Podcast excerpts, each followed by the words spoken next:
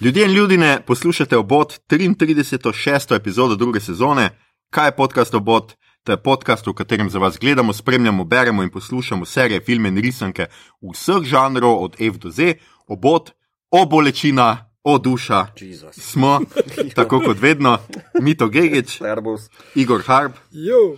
In moja malenkost Aljoša Hrlamo. Skratka, 33. epizoda, ki jo posvečamo Ljubljanskemu filmskemu festivalu, ki je že v svoji 30. izvedbi, oziroma je bil, saj se je končal ravno to nedeljo, trajajo namreč od 13. do 24. novembra.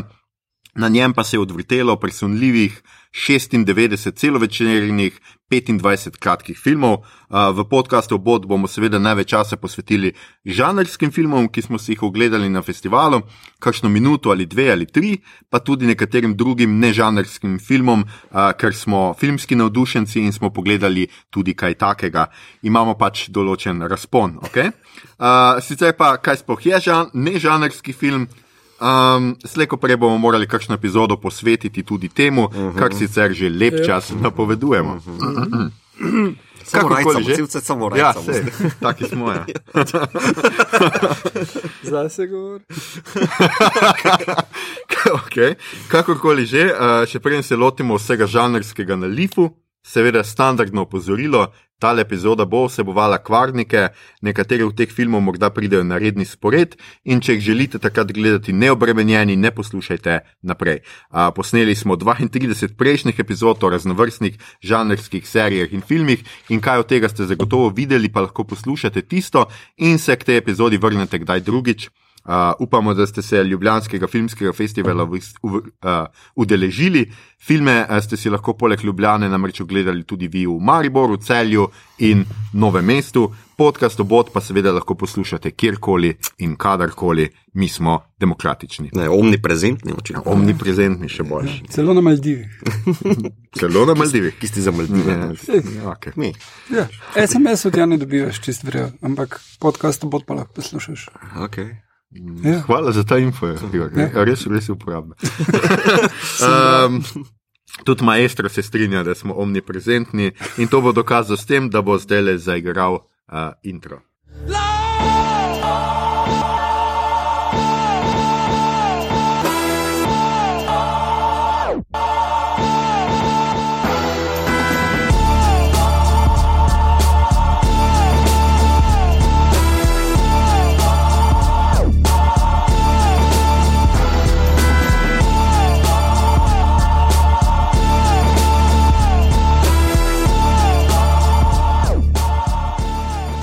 Ok, uh, to je bilo to, to je bil še intro.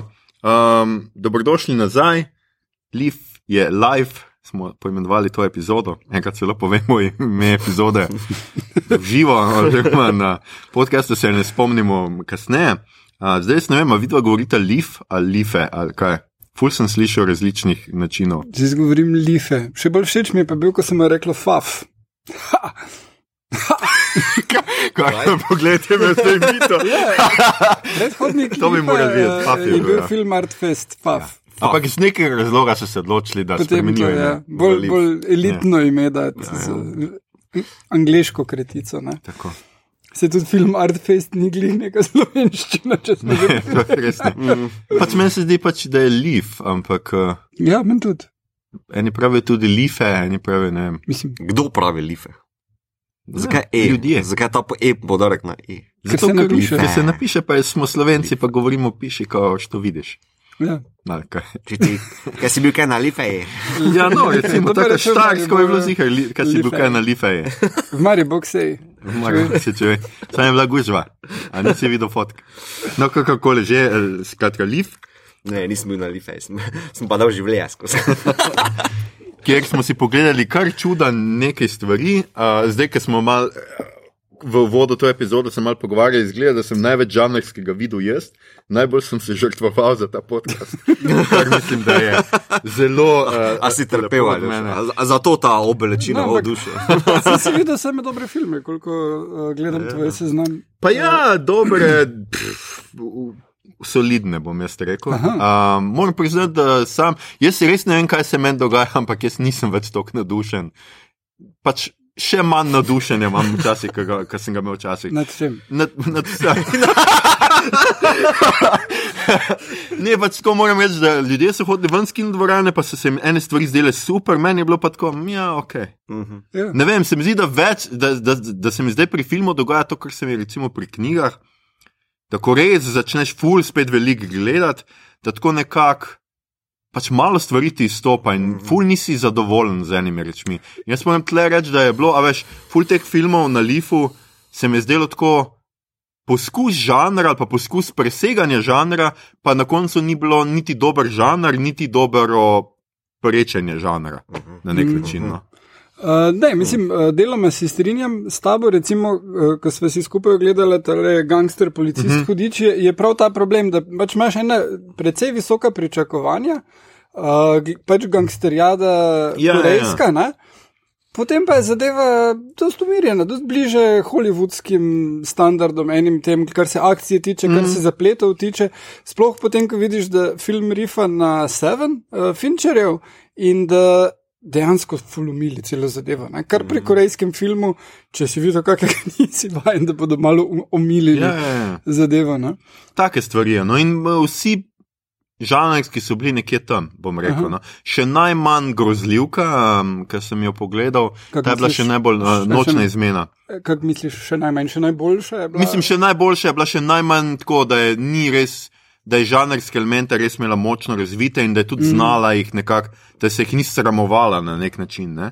Mm. Ker um, tako do se mi je zdelo, da je tako, ravno ta poskus preseganja žanra ne deluje takrat, kadar ti uh, žanr nekako na pol izvedeš, kadar to strukturo žanra že podreš v izhodišču in ji ne slediš niti malo, to se mi zdi. Vse o tem se bomo dosti tudi pogovarjali pri. Svetilniku, ki smo ga pogledali vsi trije, jaz sicer mm. ne na Lifu, ampak že prej, sem pač hipster.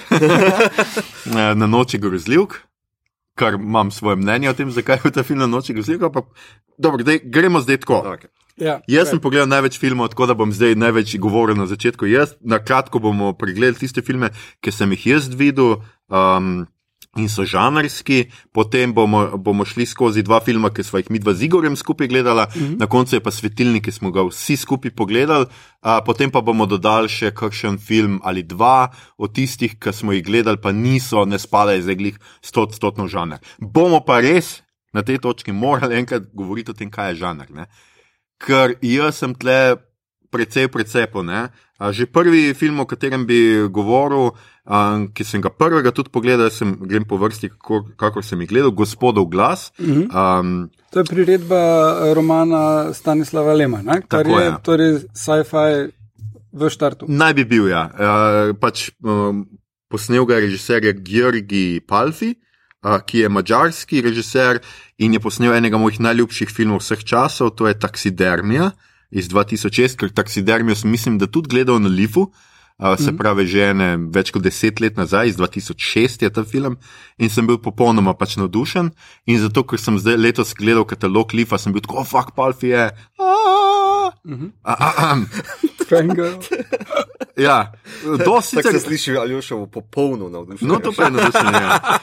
Um, sicer vmes je nisem nič gledal, ne od 2006, zdaj sem malo sem pogledal njegovo kinematografijo, vmes je posnel filmografijo. hvala. Uh, Mađarošak uh, 2011, to je film, um, je v bistvu nek antologijski film. Uh, A, s katerim so protestirali proti Orbanovi vladi. Tega sem mal nekaj spomnil, da sem o njem govoril, drugač pa nisem nič, v bistvu. Tako da je to drug film, ki sem ga od njega gledal. Uh, naslov je pač, kot sem rekel, Gospodov glas, posnet po kratki zgodbi Stanislava Lema. Ne, ker roman je. A je roman je? je A ja, ga ja, imaš prav, tudi. A, Mislim, da. Ja. se pravi po romanu. In um, štorija je v bistvu zelo preprosta. Nek mlad fan išče svojega očeta, ki je izginil uh, pač v času železne zavese, je prebegnil na zahod in on ga odkrije čisto. Po naključju na neki fotografiji, v nekem dokumentarcu, ki kaže, ki uh, v nekem bistvu dokumentarcu teorije zarote, ki prikazuje a, kako so neki skrivnostni umori povezani z nekimi fizikalnimi poskusi v neki skrivni vojaški bazi. A, ti gre v Ameriko in pač poišče tega svojega očeta a, tam, več čas pa komunicira s svojim bratom, a, invalidom, a, ki pač hoče tudi očeta videti in tako. In to je dejansko vsa štorija, pač dobro, okrog, mal je zavito okrog te skrivnosti, pač oni so poslušali nek glas iz vesolja, neko melodijo vesolja, ki naj bi razložila bistvo, bistvo sveta, življenja, Ja, ja. univerzuma in vsega. Vse to se sliši kot sci-fi. Ja, ja, in to, ampak to je vse v zadju, v resnici se to noč ne razvija nikamor, v spredju je pa pač ta zgodba iskanja očeta, kako ga najde, kako v bistvu potem. Um, Sin pač ta njegov, zdaj bom s- kvar, kvaril film, skratka, njegov brat, potem fotra za to, ker fotor vmes prizna neki, da so oni krivi mm. resnim eksperimentom, eh, ko, ko govori z bratom po Skypu in brat ga pač ne vede posname in potem deli to s svetovnimi mediji in pride policija po fotra. Uh, v resnici. In uh, v bistvu to je bolj ali manj nekakšna štorija vsega tega, vmes ima pač Palfi. Samo, torej, bistvo, kar hoče povedati, je, da tudi če si pobegnil pred zatiranjem in večno možnostjo špe, tega, da te bo nekdo prijavil za železno zaveso, ne moreš nikoli pobegniti od svojih sonarodnjakov, ki te bojo še vedno Od družine, ja. ja. Lahko zbežiš od komunizma, od družine pa ne moreš. Tako nekako. Ja. Super, mačari. Ja, mačer, ja. E, tako nekako, pač ja, on mu vseeno mu zelo zamerita, vsaj ta eh, brat na invalidskem, mu zelo zameri, da je zapustil družino. In pa tudi fotor si mal zmišljuje, začne nekaj govoriti, v resnici kako je ful pošiljal neke pakete. Uh, nima pač neke obleke, recimo neke drese je pošiljal, ampak pol mama pove, da pač noč od tega ni v življenju, nikoli v resnici dobila mm. in tako, in pač ga on pol zato še tako neka. Kaj, kaj pa je potem dejansko s tele sci-fi štorijo?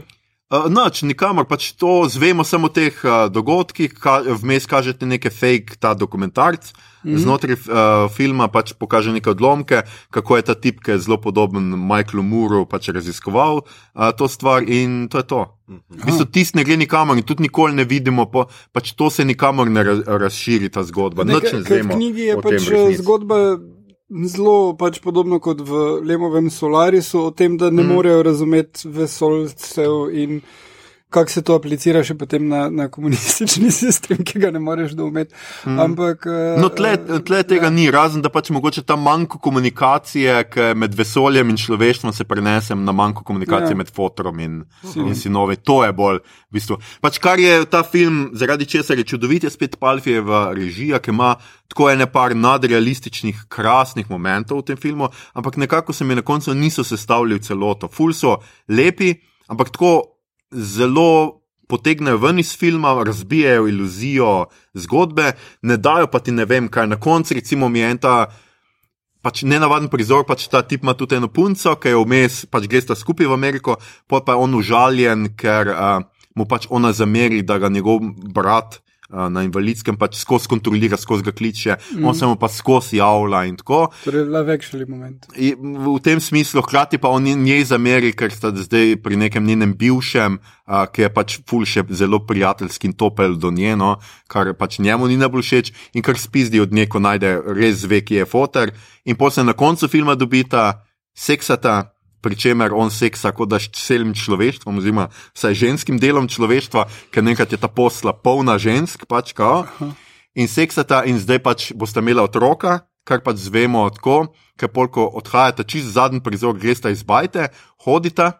Najprej kaže njega v praznini, kako hodi, potem njo, kako hodi, potem pa začne risati družinsko drevo, pač pokaže z njo in pokaže fotko Ja, ja, dojenčka, ki je neki miga, pol pa začne vso eh, drevo od njo v bistvu v preteklost, da pridemo ne v preteklost in pridemo do nekih neandertalcev. Ja. Uh, Okay. In to je dejansko to, mislim, super prizor, super funkcionira, ampak v bistvu ne veš točno, Mislim, kaj, malo, kaj ne bi ti povedal. Tree of life. ne. Ja, ja, ja. Ja. Tako, ampak v resnici odslači, a veš, ja. noč v filmu ni o človeštvu, zelo Ja, malo je ja. tega, pač, tako da ne razumeš čisto točno. no. Tako da jaz sem bil mičkano pač razočaran nad tem, ker se mi je zdelo, da formalno zelo dobro narejen film, ampak da ta forma za vsebino nekako je bila mal premalo premišljena. No.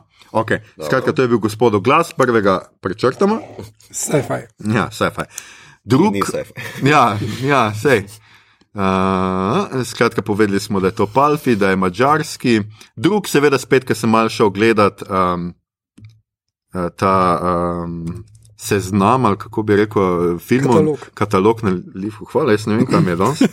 Vse sem zmeden. Mi je seveda takoj spet padlo v, v, v oči, da je spet romunski film, ne vsi, ki me vsaj malo poznate, veste, da sem velik fan romunskega filma.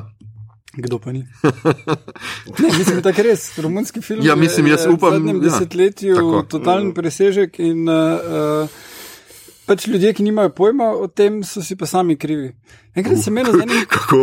Ne, mislim, gled, enkrat sem imel z enim kolegom pa je rekel, da še v življenju ni videl danskega filma, pa se mi je zdelo, kak, zakaj? Ja, no, če si fan filma, absolutno Ja, moraš. ne. Ne? Um, ja, skratka, tle imamo pa Žvižgači, je naslov filma La Gomera, je v uh, originalu, drugače pa je pa to uh, Cornelio Porombio.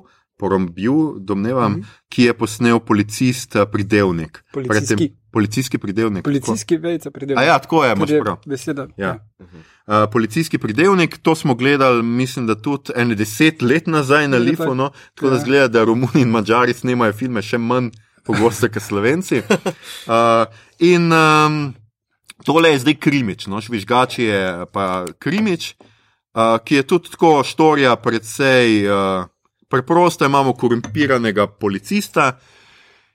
Ki uh, je zaprt, ki je pač sodeloval v neki akciji, kjer so zaprli enega modela, ga imajo v priporu, skratka, in od njega skuša zvedeti, kje je full nekega keša, ki ga je dobil v, um, v bistvu uh, ja, s, uh, s preprodajo drog in sicer z nekimi mafijo, ki je na Kanarskih otokih, očitno ima svojo, svojo Kanarskih? bazo. Ja. Okay, ja. Uh, na Kanarskih otokih je pa mislim, da kolumbijska ali kaj neka, pač neka južnoameriška uh, mafija. Um, skratka, imajo tega tipa tam zaprtega, uh, hoče zvedeti, mislim, da gre za 3 milijone, če se prav spomnim, 3 milijone je nekam zginilo, kam jih je skril model. In ta policist, tega policista, njegova punca, pač od tega modela, vsaj tako trdi, da je njegova punca, uh, povabi na otok, na kanarski, nekam na kanarske otoke, kjer se bo naučil posebnega žvižgaškega jezika, uh -huh. s katerim bodo lahko komunicirali, pač, ne da bi jih policija uh, Nadzorovala, slišala, razumela. razumela karkoli. Kar je tako zelo elaborat za v bistvu. Za karkoli. No, tako. Mal tu mače vsega. No. Eh, In pač, tako, na tej, pač, že na tej ideji pač film tako totalno pade. Pač, ker nimaš noben, a veš. Uh, on drugače komunicira s tem tipom po telefonu, pač po mobitelu, ker pač ne dogaja se v 80-ih, ampak zdaj. eh, In mu pač pošle neka sporočila, pač, uh, tudi mu pošle zbeži, ampak ga policija vlovi pač, uh, Ja. uh, modela. In pač ne razumeš čisto točno, zakaj rabiš žvižgati. Zakaj se mora to naučiti? On je tam, ne vem, par dni, da se nauči in žvižga v bistvu tako, da cele stavke pač izgovori, nekako si moraš posebej prstati uh, v usta in pač, ne vem. Hej, mi, to! Kje si? Pač tako žvižgaš, Ja, ja. pač tako. Ja. Če malo poslušaš, tudi slišiš pač te zloge. No, skratka, in on se tega nauči, in pol pripravijo pač cel plan, kako bojo njemu dali neko, pač temu tipu v priporu bojo dali neki za. Pojest, kar ga bo, zaradi česa mu bo slabo, ga bo mogli v bolnišnico, od koga ga bojo mafici rešili in šli z njim po denar.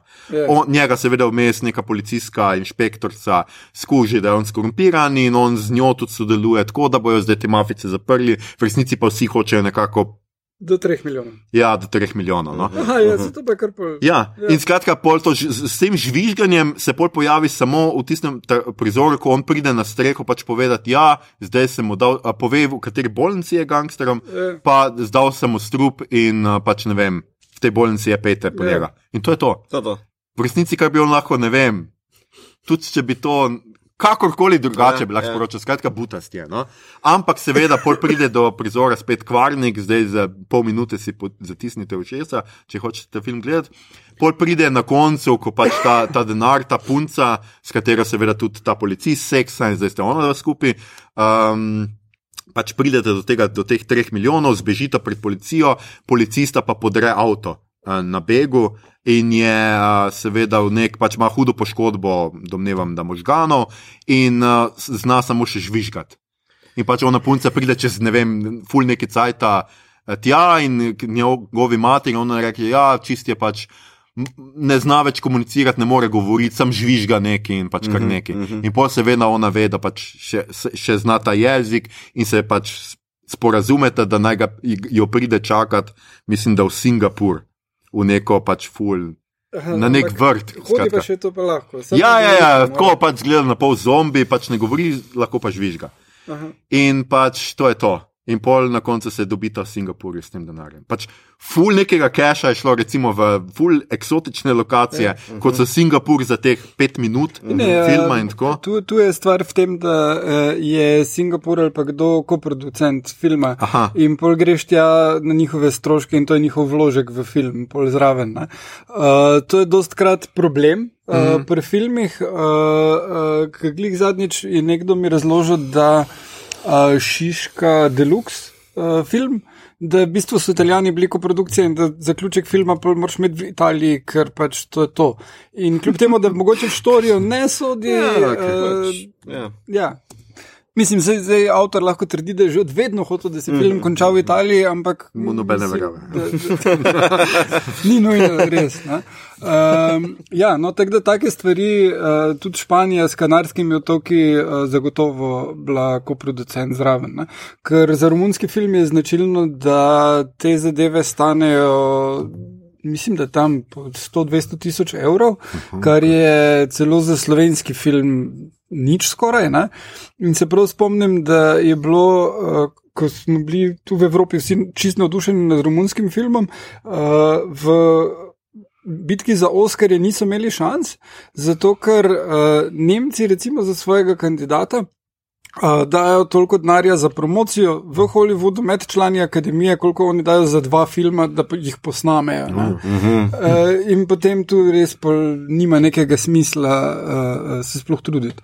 Uh, nikoli bilo, ker so pač reč snemali filme, ko pa pobirali nagrade. Ne? Ampak uh, z, z filmi, kot je, kaj že bilo tisto, Matura ali nekaj takega, tisti je že bil zelo uh, produkcijsko na nivoju za, za dramo, ne? uh, s tem uh, pa očitno so šli. Celo pač na neki ta žanrski film, že više. Ne? Mislim, ker policijski pridevnik, tisto se dogaja v par sobah, vse skupaj temelji na Ja, dialogih ja. in temu. Ne? Tako da tukaj potem sklepam, da je konkretno več kot to vidimo. Ne? Ja, ja, je ja. žanr zdaj ali ni. Ja, ja, ta je pač Ja. ja. kar tako nek noir, bolj že skoraj mm Ja, -hmm. ja. krimične.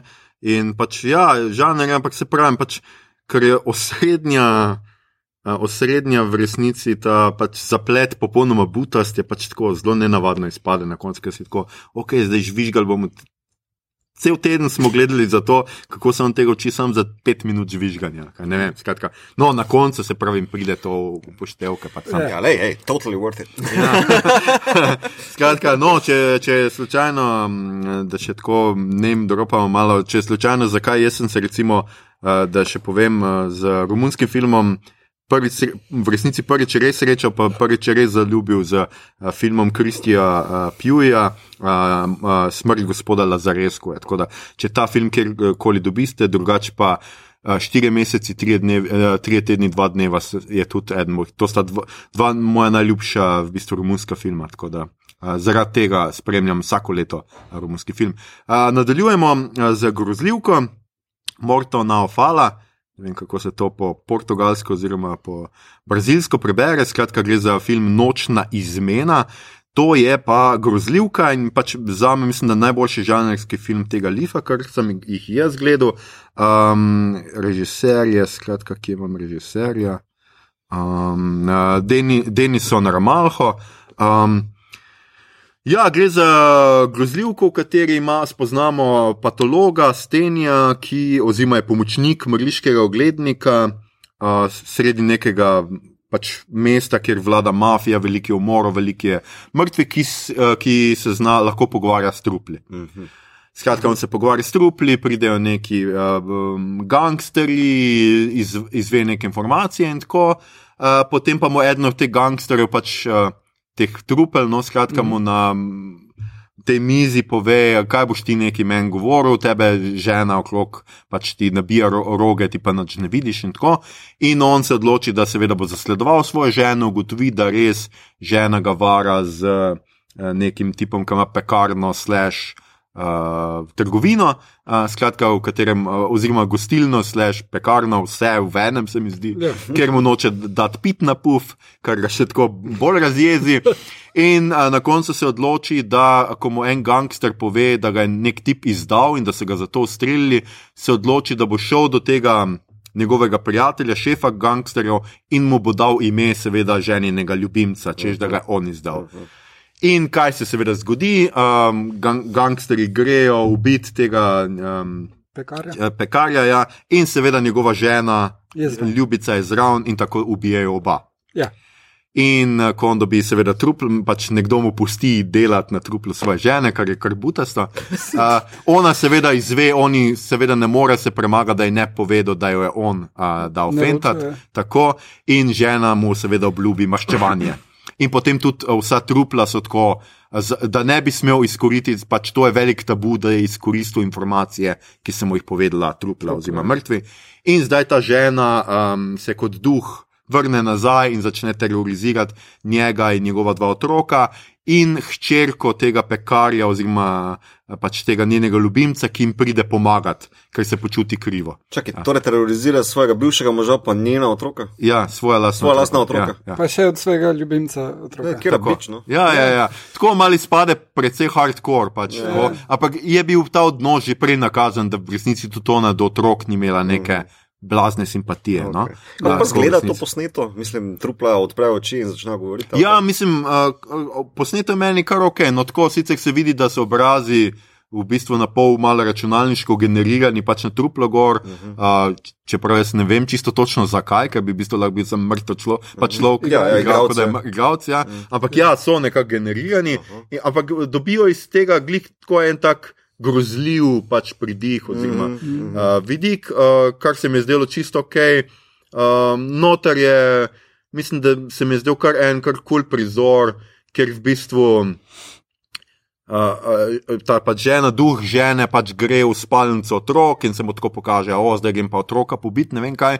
Uh, fotru pa vmes nastavi tako neke rezilne žice med dnevno sobo in spalnico, skozi katere on pač mora iti trgati zdol, se poreže ves, vdre v njuno sobo, kjer seveda ona vmes zgine in pol otroka pač totalno v paniki, ker je pač fotek totalno Cel krval, krvav. z nožem pač prišel v sobo in v bistvu ga ves je tako Ja. uh, pač ga v razne te neke trike pa privide, recimo otroku hoče vnaprej priredi rojsten dan, da se bi mu pač imel pravičil, priredi en tak lep dan, vsi so ful veseli, ful povabi folka, pol mu da skiro, pač tako škatlo, kjer je gor skiro narisan, otrok odpre in notor je hrbtenica od enega trupla.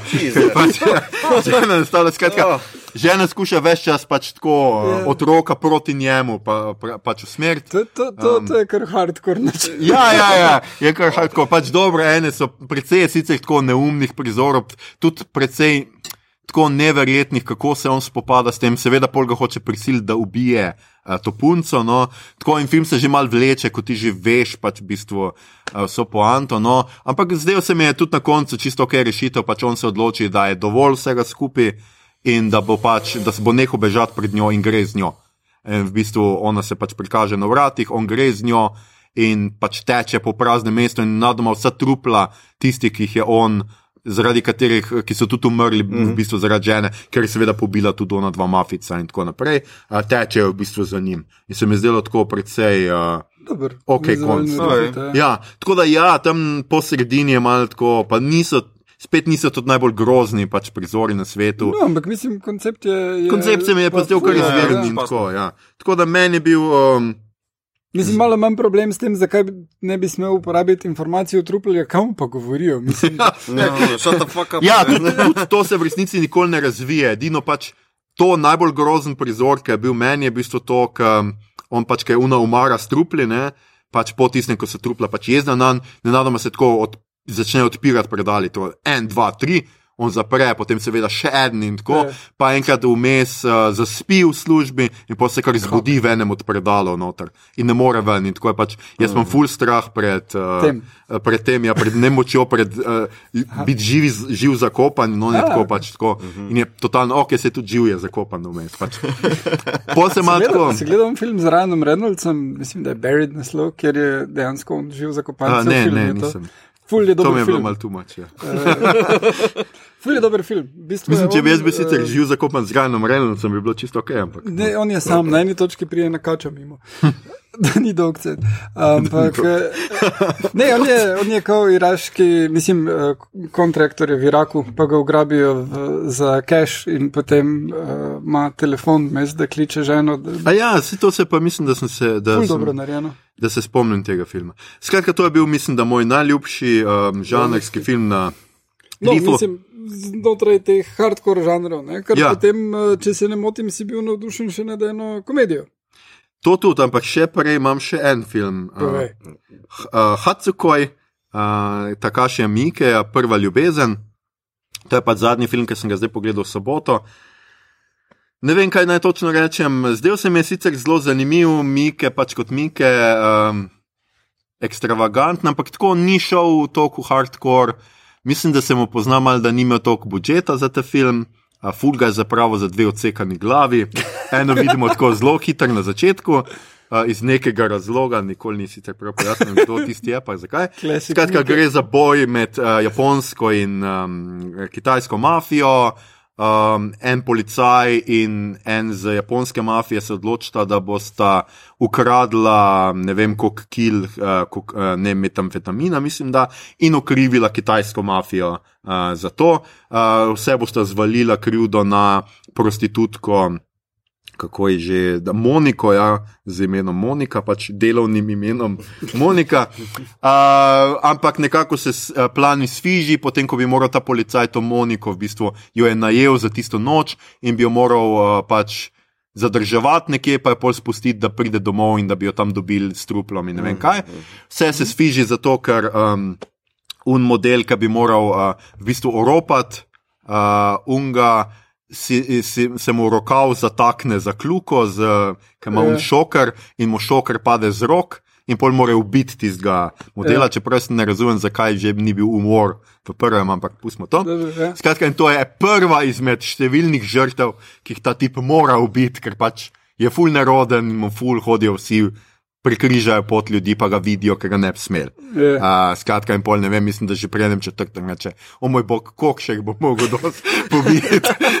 Tako, pač to so ti smešni momenti. No, vmes uh, ta Monika pa naleti, v bistvu ima neke privide, halucinira svojega fotra, ki jo je pač zlorabljal že od malga. In tako zbeži od unga policista in sreča boksarja um, Leota, ki jo pač reši pred tem policistom, ki jo začne loviti. In zdaj sta ta boksar in pač ta prostitutka se znajdeta v bistvu v naskrižju obeh mafij, oba misli, obe mafiji mislita, da sta ona dva kriva uh, in pač da, sta ona, da, da sta ukradla kokain. In pač bežita predvsem metamfetamin, ja, bežita pred vsemi in skušata pač preživeti. Okay. In to je v bistvu to. Problem tega filma je, da so um, vsi ti akcijski prizori, pač imamo nekega nenadjebljivega modela, pač te iz japonske mafije, ki pride s katano, seveda šefa, ravno iz zapora, prša pa kome čaka, da bo koga fentu. Uh, pol imamo enega tipa, ki ga. Je za biče. Ja, Kitajca, ki mu je pač japonska mafija odrezala roko in se hoče zdaj valjda vse maščevati in pride pač z, dvoce, z pač to puško, ki jo nabija z eno roko. Noter, ampak potem uh, tudi on ima katano in pač full dolg prizor. Uh, dvobojevanja s katanami, ki pa je tako od blizu posnet v tem stilu, ala Born, ki je Ja. uvedel to hektične reze in tako, Ja. da v resnici nič ne vidiš prav, hkrati pa to traja in traja in traja. Tako, veš, on je boksar in pač eden od ju napade in ga tako že z boksa, tip že pade na tla. Prešaltamo pogled na drug dvoboj, spet, potem pa spet na njo, in je spet on tip po konci, in Ja. ga on spet boksa, in v resnici ne veš, To je problem montaže. ja, kako nesposoben mora biti ta boksar. A veš, da ne more spraviti tega modela dol. Hkrati, seveda, ta boksar, to sem pozabil povedati, misli, da ima tumor. ker mu je zdravnik povedal, in vmes ga, pol, vmes pa seveda ugotovi, da nima tumorja, ker ga zdravnik je na štiri mesece mu je že pusto, ker ga seveda strah, da se je tip zdaj ubil zaradi tega. ne. Ja. In pol je seveda njega spet rata strah. Prej je bil pač tako nenadjebljiv, ker ga ni Ja. bilo ničesar strah, zdaj pa naenkrat ga je pač strah za življenje. In, tako, um, in se mi je zdelo pač malo smešno na koncu. Najbolj smešen v resnici prizor pa je, pač vsi umrejo, razen tega glavnega šefa ki je japonske mafije, ki je prišel iz zapora, ki je sicer totalno prerezan, naseklan, ne vem Ja. ja. kaj, cel krvav in tako. Je Boksar, Adamsu. ja, pa ta prostitutka se sedejo v avto skupaj in zdaj bo izbežal, zunaj je pa ne vem, morje policije. In potem on reče: Ja, zaupaj v japonske avte.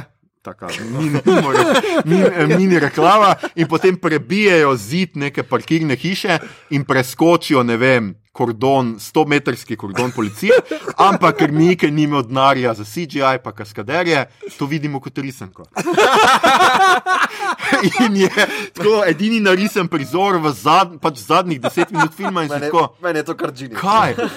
Ja, in sploh, sploh ne štekaš, kva se dogaja. Ampak ja, narisano je, oni preskočijo in potem bežijo. Uh, in pač on, Japonc, itak ve, da umira in tako reče: No, znebimo se te uh, droge in odpirajo drogo in pakete in ven skozi avto, pač za polica, uh, policijo, ki se ja. skoraj zaleti. Uh, oziroma, ravno toliko prednosti si s tem dobijo, in paketov je sumljivo več, kot jih je v resnici bilo v torbi. Pustimo to. Tok cajt zglih. Um, Pač, uh, ta megla se ustvari, da ona dva zbežita ven in ta pač gangster na koncu odpelje po nekem dolgem japonskem mostu, za njim pa tako 600 policijskih avtomobilov, res tako. Ne pretiravam, pač ta zadnji prizor je pač avto pelje in tako kar. Ja, ja, ja, kar vozijo, pa vozijo, pa si tako, fuck off. No. Mislim, pač precej absurden film. No, pač najboljši je meni pač ta model, eh, ta drugi, ki mu odrežejo glavo, ki je pač ta skorumpiran gangster, ki hoče prepirati, ki pač res tako. Um, Uh, ubije pač to po nesreči, pač če ga tipa mora biti, ker mu pač Ja, sname ja. masko, pa ga vidi, pol hoče ubiti njegovo pač to ženo, ampak je ne, vmes pa ubije njeno babico, ker sem na gobec enkrat, babica pade in je on tako, fuck, kaj pa je? Je kar mrtva, pol ga en drug gangster dobi, um, ampak vmes je pač našel spet un uh, za stresit in ga pač stresi in potem mu glavo tako nastavi pred kolo. Avta, še tako lepo ga roke mu da stran od glave, mu tako položi in se vsede v avto, pa tako, oh, fuck, a se ta noč ne bo končala. In tako pelje preko in sem slišiš, škrt, pa še zadnjo gumo, še enkrat škrt. Tako, Predvsej take, pol seveda vmes je ranjen in mu ta droga pride v kri, zato ker um, Je približno. pač se paket, ja, en odpre in mu gre gor, pa tako in čist nahajpan, pač kar pridite, pridite in tako ga kar streljajo in mu noč ni. in Tako. Pač ta tip je full zabaven in smešen, ampak vse ostalo je pa tako predolg, vleče se klišejasto in pač smešno. Ne? Ne, mislim, problem je, da Mike dela preveč filmov, ker tole ima Ja, ja, ja, ja, ja. potencijala, kot si zdaj povedal, Ja. ja. za, za super zadevo, če bi jo Ja, speljal kot je treba, pa to z animacijo. Mene to zanima. ja. Definitivno je film, ki, ki si me prepričal, da ga bom pogledal. Ja, Zdaj, mi nisi. No, skratka, ja, tako, pa mislim, ful dober prizor je tudi pač ta ženska vidi te halucinacije svojega fotra in na neki točki pač on, da bi jo pomiril, ji da poslušati musko.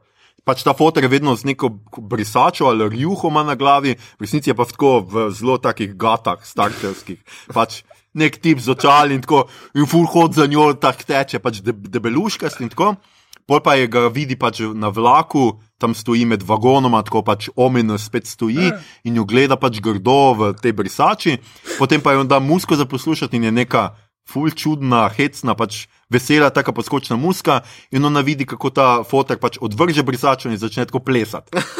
Pač Z rokami tako ful smešno, pač tako, in se sem tako. Pa kaj te dogaja, človek? Na katerih drogah si ti, res? No, Ja, tako. metavitamini. Ja. Skratka, no, to je bil še, to sta bila zdaj še nočna izmena in prva ljubezen. To so pač štiri žanrski filmi, ki sem jih jaz pogledal. In ja, tako, jaz bi rekel, da nočna izmena mi je bil najbolj všeč, potem pa ja, kar prva ljubezen, gospodov glas, nekako tako žvižgači. Čeprav žvižgači je res super film, kar se tiče igralske zasedbe, ampak res ta osnovna štorija meni bila tako neumna. Je pa ta tip, eh, pač je, romunski gledalec meni zgleda kot Michael Keaton, no, to morate pogledati. Okay. Pač tip zgleda kot še mal bolj postaran Michael Keaton. Kdo to hoče gledati? Vsi mi to, vsi. Postaran. Ja. No, na, naslednji film smo si ogledali skupaj z Igorjem. eh, Igor ga je že omenjal, to je gangster, policist. Uh, hudič, ta film smo že omenjali tukaj, Ja. uh, omenjala ga je naša gostja, um, Sanja, zdaj sem pa primer pozabil, kako se Struna. Struna, a je v redu. Sa, skratka, Sanja Struna gre za južnokorejski uh, film uh, režiserja Lija Vontaja, um, ki smo ga pogledali z Igorjem in ker sem jaz zdaj to govoril, bo zdaj Igor malo povedal nekaj o tem filmu. Ja, uh, zdaj, uh, film uh, se osredotoča na, uh, najprej na policista, uh, ki hoče skiniti pač korumpiranega gangsterja, tudi tega spoznamo. Uh, in uh, pač imata ta en osnovni konflikt, potem pa enega večera tega gangsterja prefuka, uh, mislim, napade. Uh, en psihopatski morilec. In zato uh, on se sicer uspe glih za glih rešiti, ampak ko je v bolnici, v trenutku najprej njegovi ljudje napadejo drugo mafijo, potem imajo retaliacijo in je cela pač vojna. ne? Uh, in on ugotovi pa tudi, da dokler je ranjen in dokler je zunaj nekdo, ki ga je zmožen pretepst, uh, je on uh, pač nima spoštovanja niti svojih mož, uh, niti pač njegov plac v, v celi tej hierarhiji ni uh, doable. ne. Uh, Medtem ko tale policist je pa edini uh, ugotovil, da gre za serijskega morilca in mu šef ne verjame in nišče mu ne verjame, uh, nočijo, da bi se to raziskovalo na tak način, pravijo pač, ja, neki random uboji so to ni, ni povezano. No? Na kar pol pač pride do tega, da ona dva morata združiti moči, da bosta dobila tega psihopata. Uh, ful v redu, uh, ideja, uh, sploh pol, ko vidiš tega psihopata malo bolj, ker totalno uh, rifa na Seven. Uh, on sicer nima neki zdaj razdelano, da zlobne ljudi pobija, ampak pobija uh, na, dost naključno, ampak ima ima zelo, zelo evil ne? in, in vse to. In neustavljiv. Uh, in vmes totalno dober twist je, ker uh, gangsteru uspe pomiriti drug klan. V bistvu on, gangster, ubije svojega rivala z nožem od morilca, ki ga je najdel, zato da bi naprtili še tale umor temu serijskemu morilcu. In pol on to ugotovi na televiziji, pride na pogreb. In uh, gre do žalujočega namestnika, pa mu da seznam, jaz nisem ubil, uh, da seznam pismo, tak, na katerem piše, jaz nisem ubil vašega šefa. Pa tako pogleda onega. Ne? V glavnem, potem to eskalira, fajti so konstantni, uh, ampak tako je kar nekaj krvi, pa vse to, ampak američani, če bi to remakali, bi to bilo čist PG-13 lahko. Uh, v bistvu dosti ljudi umre, ampak ne vidiš, ni tako zares brutalno, kot zna biti v, ne vem, če si gledal Old Boy, recimo, mm -hmm, ali pa karkoli mm -hmm, takega. Mm -hmm.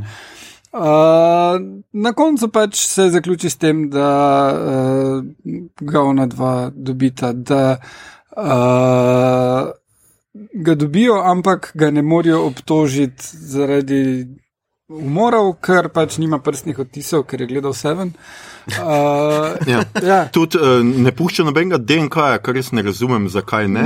Še posebej, ker najde un njegov nož, s katerim ga je tudi ta gangster porezal Ja. in bi tudi njegov DNK mogel biti gor. Ampak iz nekega razloga ni. DNK, ne, ne Ja. ukvarjajo se s tem. Saj na- Nasploh prikažete to policijo kot tako malo materij. Ja. So, ne? Ja, Tako kaj, je pa tak contemporary kontekst, ali kako je sodoben. Ja, ja, Ja, dan, dan se dogaja. Aha, okay. Ja, ja. Um, ampak ja, ti policaji so res precej amateri, uh, tudi mm. ko pol pridejo, pa prevzamejo oni federalci, kao, ker se to se ne dogaja v Seulu, ampak v nekem manjšem mestu. Mm. Je še vedno ogromno. Uh, ko pridejo oni federalci, kao, tudi ni, ne, da, da bi karkoli vedeli, kaj dela. Noben ne omeni DNK analize na nobeni točki. Ja. Sploh se sem neki fajter, tako zgleda, kot neka srednja šola, bolj v resnici. Ja. Yeah. Oh, vi boste to prevzeli, ja, vi prasci, neki tako, tako. Ja, ja. Res hecno. No. Ta le del malo zgubi. Ja. Uh, no, in potem je pač zaključek, ki je kar uh, predvidljiv. Uh, in sicer, da tega gangsterja, ki, je, ki se skriva, uh, policaj prepriča, da gre pričati proti onemu ker ga je edini videl, in potem pač oba zaprejo v isti zapor in fight is on. Ja. Uh, Pričemer ta glavni igralec, ki igra. Uh, Uh, tega gangsterja, mu je ime Ma Dong- Dong Sok. Ma, ja. In ga je uh, Sanja takrat opisala kot uh, Ja. ja. Silvestra Stalona korejskega. In Ja. ja. gledaš tipa, mislim, Tip je slo, uh, slovenski, sem kot reče, korejski uh, Silvestr Stallone. O, Jezus, pa res. Ja, ja, ja. ja. Nor je in jaz sem se odločil, da hočem videti vse filme tega tipa. ja, okay. res tip zgleda tako Stalon, obnaša se tako. Ja, ja, ja. proti- Ko še usnica mu vleče na Ja, ja, Ja, tudi, ja, podob, ja. tudi podoben glas ima, tako kot Ja. ja. govori, sem pač, da govori korejsko. No. Sicer eh, gledali smo ga, v, on je bil že v Train to Busan, mm -hmm. Ja. on je tisti nek, kaj že nek poslovnež ali kaj, ki mu pomaga, Ja. ja. ki je v bistvu bolj tako nekako čuteč ali kako, Ja, ja, ja. ki temu fotru pomaga odkriti, da pač obstaja Ja, dejansko zna igrati, ni tako stalo. Stalon je včasih znal igrati. Ja. Bo, bo pa igral tudi je v castu Eternalsov, je Ja. kot Gilgameš, tako da Uh. Ja. se ga veselim. Ja, no, tako da uh, tale igralec je res Revelation film, uh, je ok. Uh, zdaj tak je, nekateri ti filmi iz Lifa nikoli ne pridejo več k nam, nekateri pridejo v kino spored. Uh, mislim, da noben od teh, ki smo jih zdaj našteli, najbrž ne bo. Uh, Najbrž mogoče žvižgači, eventualno. Um, Medtem ko tale bi pa znal se najti, uh, uh, znajo se pa vsi najti na nacionalki, na kakšni točki Ja, ok. tudi ta korejski. Ja. In gremo zdaj na main feature. Main feature. Ni še en vmes. Jojo ali svetilnik? Jojo. Ja. Jojo. Pač g- z Igorjem smo pogledali tudi uh, Jojo, ki ga lahko imamo za komedijo, tako da je žanrski, Ja. uh, žanrski film. Ta mislim, da bo v rednem sporedu, tako da mogoče ne spoilava. Ni Čisto preveč, čeprav. Uh, naj tak, ni še film Aha. napovedan. Uh, Ma velike možnosti, da bi dobil uh, nominacijo za Oscarja za najboljši film. Tako. Uh, za igralske, po mojem, ne, čeprav Vajtiti je, je briljanten kot Mhm. Hitler. Ampak jaz mislim, da je letos bilo to, že zdaj, ja. Ja. pa še niti ta glavni za Oscar niso zunaj v resnici. stranske vloge uh, Ja. ja. so vseeno še. Za glavno A ja, je mogoče stranska. Sej, sta, Ja, no, vse Vajtiti je dejansko stranska v resnici. Glavno vlogo ima ta mali fant, Ja. ja. uh, vsi ostali so stranski. Ja. Uh, Pa Scarlett bi lahko dobila, po mojem. Čeprav meni je bila ona punca zelo všeč, taka igra. eh, ja. Tomasin. Tomasin, ja. Ja. Ja. Uh, to je njena druga najboljša vloga, pa mislim, da je v dveh filmih igrala. tak Da, uh, No, o čem se gre? o čem No, no, se gre film? Tako ja. pove. Film se gre o enem fantku, uh, ki mu je ime Johannes, Jojo, uh, in je uh, v Hitlerjungen. In ima. Je tudi zelo tako prepričan. Prepričan, ja. ja. čist, on je. Vnet. Hitler, Ja, ja. Jugendovec. Ampak je, je mali fant, pa ni tako ful spreten s stvarmi. Ja. In ima namišljenega prijatelja, ki je Hitler, ki ga igra Vajtiti, ki mu vliva pogum in pravi, se boš zmogel in je ful v redu. Taki, Karlc. Ja, ja. Uh, Hype man, kaj? Ja, Ja, ja, ja, na kar pol pač eh, pride, dosti na začetku filma je prvi preizkus, ki ga morajo praviti. In oni starejši fanti ne, vidijo, da, on, da je dosti šibek ne, in se odločijo, da se bodo spravili na njega in zgrabijo zajca, pa rečejo, ok, zdaj pa tega zajca skine, če lahko ubiješ. Ne? In valjda ne more, ne? se trudi. In spusti zajca. Ne? In, in potem oni njega uh, naženejo in mu pravijo, da je on zajec. Ne? Na kar se pa fant hoče dokazati in ga Hitler nahajpa in zbere pogum in bo nekaj naredil. Ne? In tam jim polkovnik kaže, da jih bo učil, kako se meče granato. Ne? In reče, vzameš granato, ne? pa uh -huh. razlaga, kaj pa treba z njo narediti. In on prlaufa od nikot in zgrabi granato in laufa z njo bek od ljudi in jo vrže. In jo vrže v drevo in se odbije nazaj v njega in jo razturi. Um, in na tej točki je konc filma. Vse najhitreje. Jezus, no, come on. Uh, ne, Resturijo in on je malo poškodovan. Ni tako, uh, mislim, mora na terapijo hoditi, ima par brazgotin in je prisiljen biti doma. Uh, in ko je doma, uh, sliši neke zvoke, ki prihajajo od zgoraj. Ne. Zdaj pa cel njihov tale Hitler-Jungen izobraževanje temelji na tem, da jim razlagajo, kako so židi grozni, da oni spijo tako, da visijo dol iz uh, stropa in imajo vampirske Perejo zobe možgane, ja, ja. Ja, ja. Uh, no, in on, ko zagleda tisto punco tam, on res misli, da je ona pošast. Mhm. ker pač je judinja. No? Mm. In potem pač uh, je pa film dosti bolj gre na to klasično varianto, on mora naučiti njo spoznavati, ugotoviti, kak je svet v resnici. Uh, Medtem ko se pa okrog njega pač svet uh, sesuva, ker uh, Nemčija zgublja vojno. ne. A je to dol cajt traja? A to traja? Ne, to je že proti koncu. je Že, to Proti je koncu zadnje vojne. Aha, razumem. Ja, ja. Uh, ker tudi uh, že vsi uh, tisti fanti, ki njega zabavajo, tam, ki so videti, po mojem, tam recimo 12 do 15, mm -hmm. uh, že grejo takoj v vojsko. ne, Tako da je že na tej točki. Ja, Nemčija, že, da- že rezerve ven vlačijo. In potem uh, tudi ta njegov uh, najboljši prijatelj je že v vojski. Mm -hmm. Pa tudi sam Rockwell, ki je kao nek šef te Hitler-Jugenda, pač da jih trenira, v resnici že ve, da zgubljajo. No? Tako Ja, pač omeni to v ja. tistem treningu. Ene par takih jokov ima, ki jih otroci seveda ne štekajo najbolj. Um, Ja. Ja, pa dva sta rekla, da je to Oscar material, zakaj? Ja, mislim, meni je tako, uh, odkrito povedano, čudovit film je. To je za me po življenju je čudovito. Uh -huh. Pač spet ena taka komedija, ki je totalno resne teme, zna tako na en tak topel način. Pač meni je ful všeč ta odnos med to židinjo in jojotom, ker tudi ona v začetku ga ful izigrava s tem, ker. Um, Ker skuša prepričati, da je seveda Oden kot Hitler Jugendovec ne izda Uh -huh. in mu ful pač tako nabija, da so židije res taki. Pač, ja, mi smo totalne pošasti, znamo brati misli, pač ne smeš me izdati, uh -huh. drugače te bom ubila, pa tvojo mamo, ne vem kaj. Uh, in ga drži v šahu. In tako in ona dva zelo počasi razvijata ta odnos, da on ugotovi, da, valjda, da se je zatreskal vanjo, valjda, da ugotovi, da židije niso pošasti in tako. In ta moralni preobrat, ki je v bistvu narejen tako zelo. Zelo naravno, no, bi jaz rekel. Veš, nimaš občutka mm. na koncu, o, fakt, ta film je pa totalno moraliziral. ne. A, okay. Ja, uh, no, ampak uh, omenil si Beninijev uh, Levita je Bela. Mhm. Uh, Tisti film, ne glede na, na njegovo popularnost, pa vse skupaj, uh, ne glede na to, kaj proba narediti, vseeno relativizira holokaust s tem. Ja, no, tisti je res. Uh, Medtem ko tale ne. ne? Mhm. Uh, tukaj uh, je povsem jasno, da noben ne ve za holokaust. Ona tudi ne ve, kaj dosti. Uh -huh.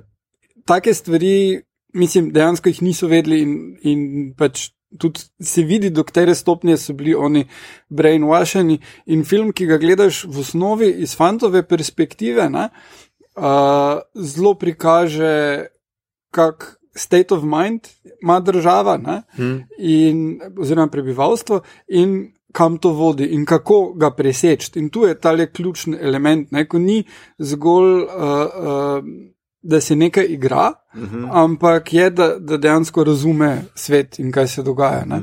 Uh, in uh, Vmes imaš pač tele komik relief, uh, so tele stranski liki, recimo mm. Rockwell, Ja. ki je pri Rockwellu mi je zdaj malo uvrt postalo, ker si vedno vzame, da je on malo tak rasist, že, že zdaj par vlog je imel, da je on igra, da je nekdo, ki je rasist, ampak je dober po srcu. Zdaj ne vem, mogoče, mogoče kaj povedati s tem.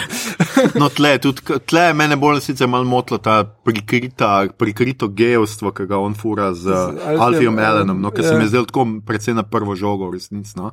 Ja. Um, pač na koncu, ki se tako v neko čudno uniformo, Ja. ja, ozaljščano z nekimi. Pač, Dizajnira si uniformo, Ja. ki je zelo stripovska. ki je tako taka A. flashy, pač stereotipno gejovska, bi človek rekel. Bo nek takih ni delal. Ja, ja. Ja, To me je malo zmotilo, drugače je bil pa meni on kar super. Uh, Rebel Wilson pa je Ja. ja. ono one note joke, ampak je v redu. Uh, pač, Čeprav Waititi mislim, da tle res pobere kot Hitler, pač ima ena par Ja. takih. No, tako.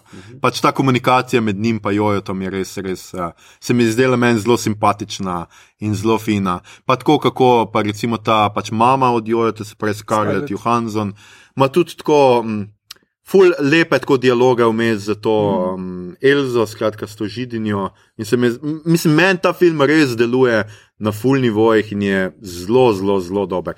Pač druga pa pač poanta je, da živimo v cajtih, kjer pač lahko to ene sporednice potegnemo, ne? Ja. Ker se meni zdel najboljši. Um, najboljši v bistvu dia, uh, dialog tam, ki Jorki, pač prijatelj Jojo, ta reče. Da zdaj je pa res tako slab cajt, da si nacist. No. It's a really bad time to be a nazi. No. To, to se mi zdi tako. Tak desetletni fantek, ki to ugotovi, Ja, ja, ja. hodi z enim rocket launcherjem na okrog, ja, ja. pač on zdaj mora braniti to mesto. Ja. Ja. Uh, no in, in uh, mislim, ampak tudi, ne, zdaj ne bomo čist konca spoilali, ne, mm. uh, uh, ampak eno par stvari se zgodi na koncu, ki jih ne pričakuješ. Zato, ker uh, standardno je, da če imaš film o drugi svetovni vojni, so naciji bad guys, mm. oni so good guys. Uh, pač zavezniki. Zaveznikov praktično ni ja. v filmu. Uh, govori se o tem, da ne vem, uh, fotor uh, od Džožota uh, je nekje, mogoče še živ, ne vejo, ampak dela za, za, za zaveznike. ne. Uh, in potem, ko se zavezniki dejansko pojavijo, ne vidiš tega, da so zdaj liberators, ampak je dost bolj uh, realistično to, kar se zgodi. ne. Ja. In uh, ima film ful jajca, da to prikaže, da, da nič ne olepšuje pri teh stvareh. Uh, in predvsem se mi zdi pa zanimivo, uh, kako bojo vse te latentni rasisti, mislim. Se sam, sami zase menijo, da so latentni, ki menijo, da vse blackface je kul, cool, če ti je uh, uh, pač Will Smith faca, pa se hočeš njega maskirati, ne? pa jim rečeš ne, ni, pa lahko rečejo, kaj pa vajtiti, kot je Hitler ker je človek Maur in uh, Jud in se je namaskiral v Hitlerja. Mm. Ali je to reverse blackface ali ne. Mislim, da tu bo enih par zelo zabavnih debat, v katerih nočem sodelovati. Okay. No, skratka, jaz bom še enkrat pač, ja, pohvalil. Jaz moram reči, da v tem filmu, kar se mene tiče, uh, film je za Oscar Matilje. Jaz mislim, da tudi uh, Vajtiti bi lahko dobil za stransko, uh, pa definitivno mislim, da tale Thomas in Mackenzie, uh -huh. kot kaj smo rekli, kot Elza. Elza. Uh, Drugače smo pa gledali v, že v Livno Trace. To je super film. Uh, tako Uh, je če ga bila še ona. niste videli, ful, ful Pa priporočam. v Kingu, ki ga je Mito zadnjič omenjal, je ona Filipa, uh, uh, kraljica Danske.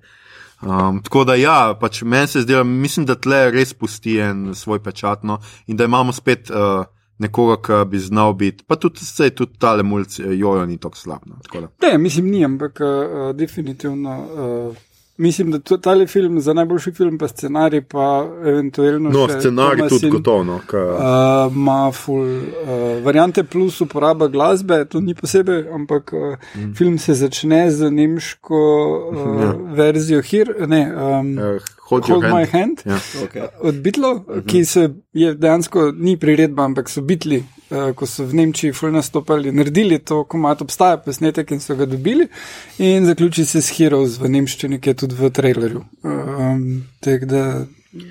Skratka, eh, Vajtitija smo zelo veseli. No, mislim, da je en res tak eh, svež vetrc v Hollywoodu Ja. in um, zelo se veselimo naslednjih njegovih filmov. Uh, je v bistvu v Titi ima uh, zdaj enkrat tedni, v teh tednih bo Mandalorian je en del režiral, igran od tudi. Ja, mislim, da je Chapter 8 je njegova, se pravi zadnji, Zadnji, ja. zadnji del Mandalorija. Ja, v prvem delu je on uh, Njegov. bounty bot. Ne? Ja, ima un glas. Droid. Ja. Uh, pa seveda napovedan je že Thor Love and Thunder za 2021. tako da Pa igral bo v Suicide Squad 2. A, celo je v, no, Ja. v dvojki.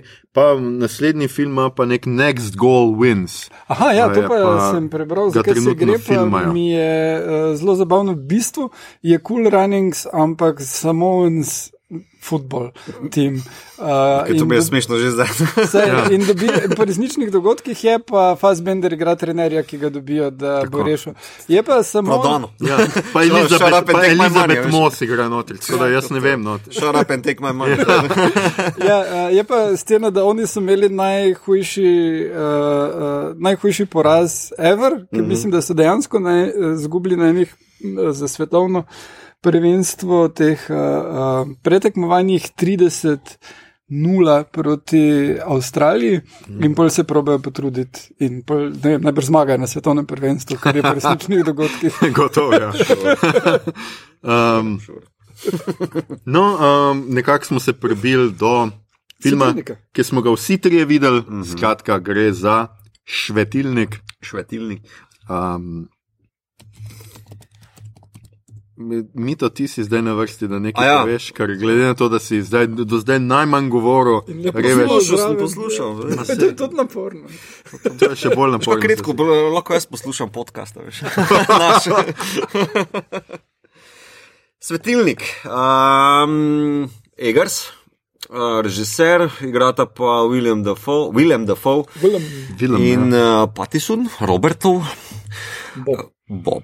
Um, ni grozljivka, jaz bi te rekel tesnobka.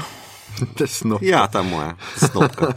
Okay, to si bomo Um, zapomnili. Ja, lepo. Uh, Uh, skratka, jaz mislim, da je to, mislim, zgodba je o dveh v, uh, skrbnikih svetilnika na bogu zapuščenem kamnu, usred ničesa, nekega ne vem, viharnega Atlantika, posneta na, Novofundlandija, nekaj tasga, kanadska scena, skratka. Um, zanima, kaj nas. Kdo je bil tam? dogaja se v poznem 19. stoletju. Um, zgodba se pa vrti skratka okrog teh dveh edinih likov, ki sta noter, pa uh, drugih igralcev ni, razen v določenih flashbackih pa, ali pa prividkih. Um, in je, kako bi to opisal, um, zmeša se ima. Sama sta, uh, alkohola bo začelo svaliti, futer je za nič, voda je za nič, vse je za nič. Um, in nekako njuna dva lika, ki sta si malo glih- glih ravno prav kontrastna, um, pa tudi, um, torej, uh, Pettison igra bolj zadržanega, mladega, nadebudnega skrbnika uh, svetilnika, ki se je presedlal iz poklica gozdarja v tole zadevo. Uh, ampak drvar. drvar, ja, holcar, um, ki se drži bolj zase, medtem ko pa Willem Dafoe, ki je pa že dolgoletni tega, skrbnik tega istega svetilnika, pa, je pa bolj outward, bolj alkič, bolj ga posiljuje s tistim alkoholom non-stop. Pa, Na začetku vse. Na začetku, seveda, ja. Uh, drži pa zase to luč. To prekleto luč uh, in Ja. ga ne pusti zraven, in seveda se jim začne počasi mešati, ker um, um, drug drugega matrata, no, dobesedno. Ne. Um, ali z alkoholom, ali z delom, ali z. Um, ne vem, kako bi še. Ja, Defoe je v lig več čas, pa te, pa, pač tega Pattinsona zelo pritiska na no, Mhm. tako rečemo, to nisi pospravil, ne vem, ono nisi, več čas mu daje ta neki minimal, pač ta fizična dela opravljati. Uh, Čiščenje Ja, letrine. hkrati sta pa totalno nasprotje. Pač meni se je to od začetka že zelo do, dopadlo. Defoe je zelo g- besediči Mhm, skozi. mhm. Pa še tale visok jezik, literarni Ja, ja, ja. iz 19. Pa stoletja. citira ful. Tako Ja, je, medtem ko je Pattinson pač molčeč, mm -hmm. tako vsaj v začetku pač full noče o sebi govoriti. In imamo po eni strani pač Pattinson s- ima že več čas neko skrivnost, uh, se zdi, da pač neko mračno skrivnost, medtem ko Defoe v lik je pa tako skozi govori in se zdi, kot da je pač zelo odprt. V resnici pa pol, kot mu tudi Pattinson proti koncu čita, skozi spreminja, v resnici se skozi laže. Mm -hmm. To njegovo nogo, ki ima neko poškodovano, Ja. on ima ene šest zgodbic. V bistvu kot Joker proti Batmanu. Ja. Jaz bom padel zdaj iz stola, poslušajte to. Ne, oba dva se zdita ful nezanesljiva pripovedovalca. ne. Ja. Um, noben, pa tudi posneto je na ta način, da ne veš dejansko, kaj je true ali ni true. Mislim, vse je Ja. tako zblojeno. No. No, mi to in kako je posneto, povej. Ja, posneto super, kaj da rečem. Zdaj težko v podcast formatu nakladaš o vizualijah, to se zavedam, ampak posneto je v. Zdaj že protoklasičnem formatu, ne? ker klasičen format je za mene 1,33 proti 1, ne? torej televizijski 4,3 Ja. format, medtem ko ta je pa še starejši, ne? uh, bolj Fritz Lang ali pa Metropolis uh, uh -huh. format 1,19 proti 1, skoraj da kvadratno. -huh. um, in je. Uh, Formatijo sta v enem intervjuju, ki sem ga tudi delil v prejšnjem novičniku, našem, ne, uh, v intervjuju omenjen, noter, da je bil zelo previdno in namenoma obran, zaradi tega, da je tesnoba malo povečana, ne, ker ta kvadrat pove, uh, stiska bolj ta razmerja. ne. Ja.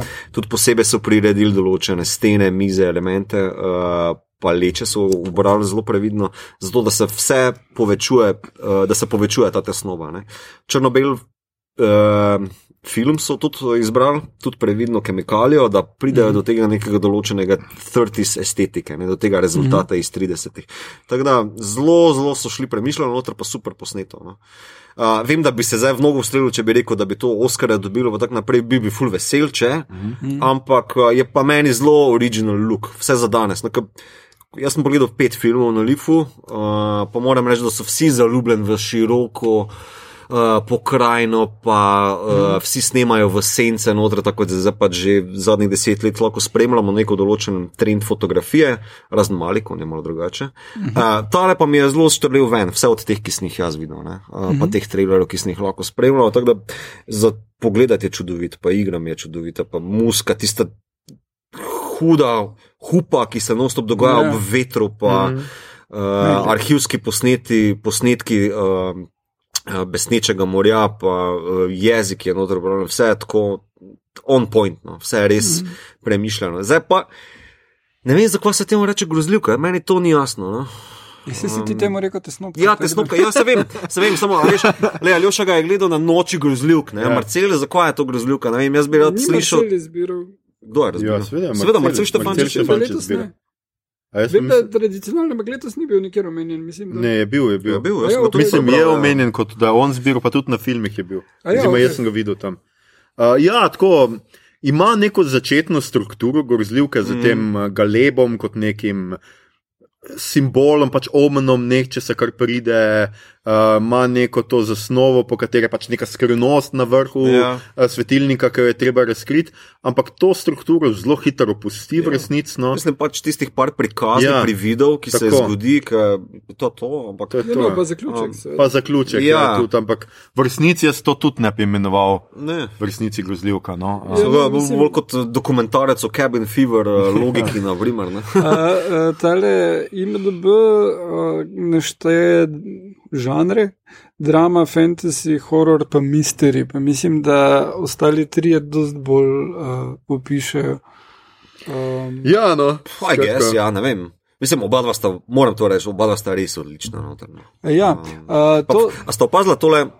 Zanimiv, zanimiv kontrast v njuni dostavi eh, teksta. Medtem ko je William Defoe dosti bolj tak literarni, melvilnovski, ne, kot nek ahab. Ja, ker um, njemu tudi pač on Westside v resnici govori celo pa je dobesedne citate z ja, Melvila, pa ja, tudi nekaj ja. z uh, Shakespearea. Ne, mm -hmm. uh, Medtem ko pa je Pettison tako bolj, kako naj rečem, preprost kontinentalen delavc. Ne. Mislim, tudi njegov besedni zaklad je rahlo zamejen ne, na prvem vilemu ja. in se tak lep kontrast že v tekstu noter. Jaz se mislim, da ne bi bila poanta pač neki modern človek, pa nekdo, ki ima pač neko to mitsko zadje. Mm -hmm.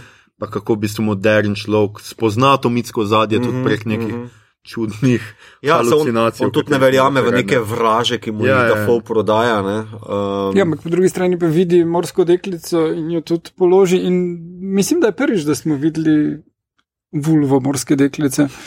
Reči, jaz tudi mislim, da je prvič. Jaz ja, ne bi uporabil besede zanimivo. Ampak, uh, ja. Ne vem, če jo še hočem kdaj videti. Ne, no, se, se, se. Mislim, da smo dali to skozi. Ja, ja. ja. Ne, jaz ga vsekakor priporočam. Ne, en, uh, men od, od vseh filmov, ki sem jih letos videl, no, uh, mislim, da je en top.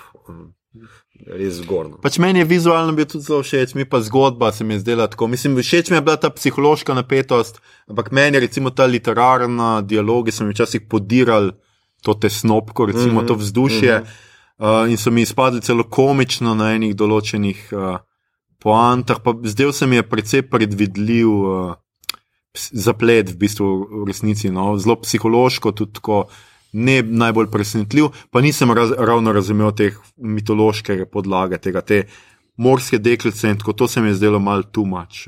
Se mi je zdelo, da, stopa, da skuša stopiti v nadnaravno in ti grozljivi elementi so me spet bolj motili, mm -hmm. kot če bi bili presno. Mm -hmm. Ja, mene najbolj zmotil konec. Ja, razumem uh, cel simbolizem, da pač ukrade ogen na koncu. Mm. Ampak tiste zadnje scene, ki mu uh, žre, glebi, žrejo ja, notranje organe. Ja. je pa tak, eh, tako na prvo žogo znotraj mm. te mitologije, da se mi je zdela nepotrebna. Ne? Ja, pa veš kaj, ja. pa, pač mene moti tudi, ker Prometej v resnici nima nič z morjem, z morsko deklico, ničemer. Ja. In ta, to, to tega nikjer ne napoveduje v resnici. Uh Mhm. -huh. On ful zmeša nek miks mitologij, kar mu je pri uh, Witch. Uh -huh. Recimo, mogoče bolj ratelj, ker Ja. ja. tam je pogansko. In ta osnova itak lahko gre vse noter v resnici. kaj- Tle pa se mi je zdelo, da se malo zgubi in da ta raznorodnost motivike ni najboljša. No? Ja, jaz sem pa nekako razumel to eh, širše meta narativ gledano, no, da eh, je to borba človeka proti naravi, ne, narava kot neka, neka sublimna gmota, ki se tam le pojavlja, pa mm -hmm. um, Buči. buči, ne, Ja, ja. tako rečem, medtem ko ta modern človek ne verjame, ne vono luč. Ne To je res, ampak recimo Prometej je boj proti Bogu. Ne? Ja, ampak kaj pa pol je. Morska deklica, pa to je bolj narava. in tako. Pač meni je to, a veš, tudi uh, Prometej je tako zelo. Pač ne vem, mene je to zmotilo. No, Jaz, jaz mislim, da prometejsko gledano, mislim, prometeja bi lahko destiliral na ta način, da si ti iz narave ukradel ali pa vzel no, nekaj, kar Ja, ampak v mitologiji ne. ni tako. Ne? V mitologiji je to zelo jasen upor človeka proti bogovom. Resnici, Zdaj, seveda, ti Sej, pač bogovi Sej, so narava. Proti, ja, se to Ja, ne, ja, ampak- ne, a ampak veš, tukaj je ni to mišljeno, da je faux bog. ja.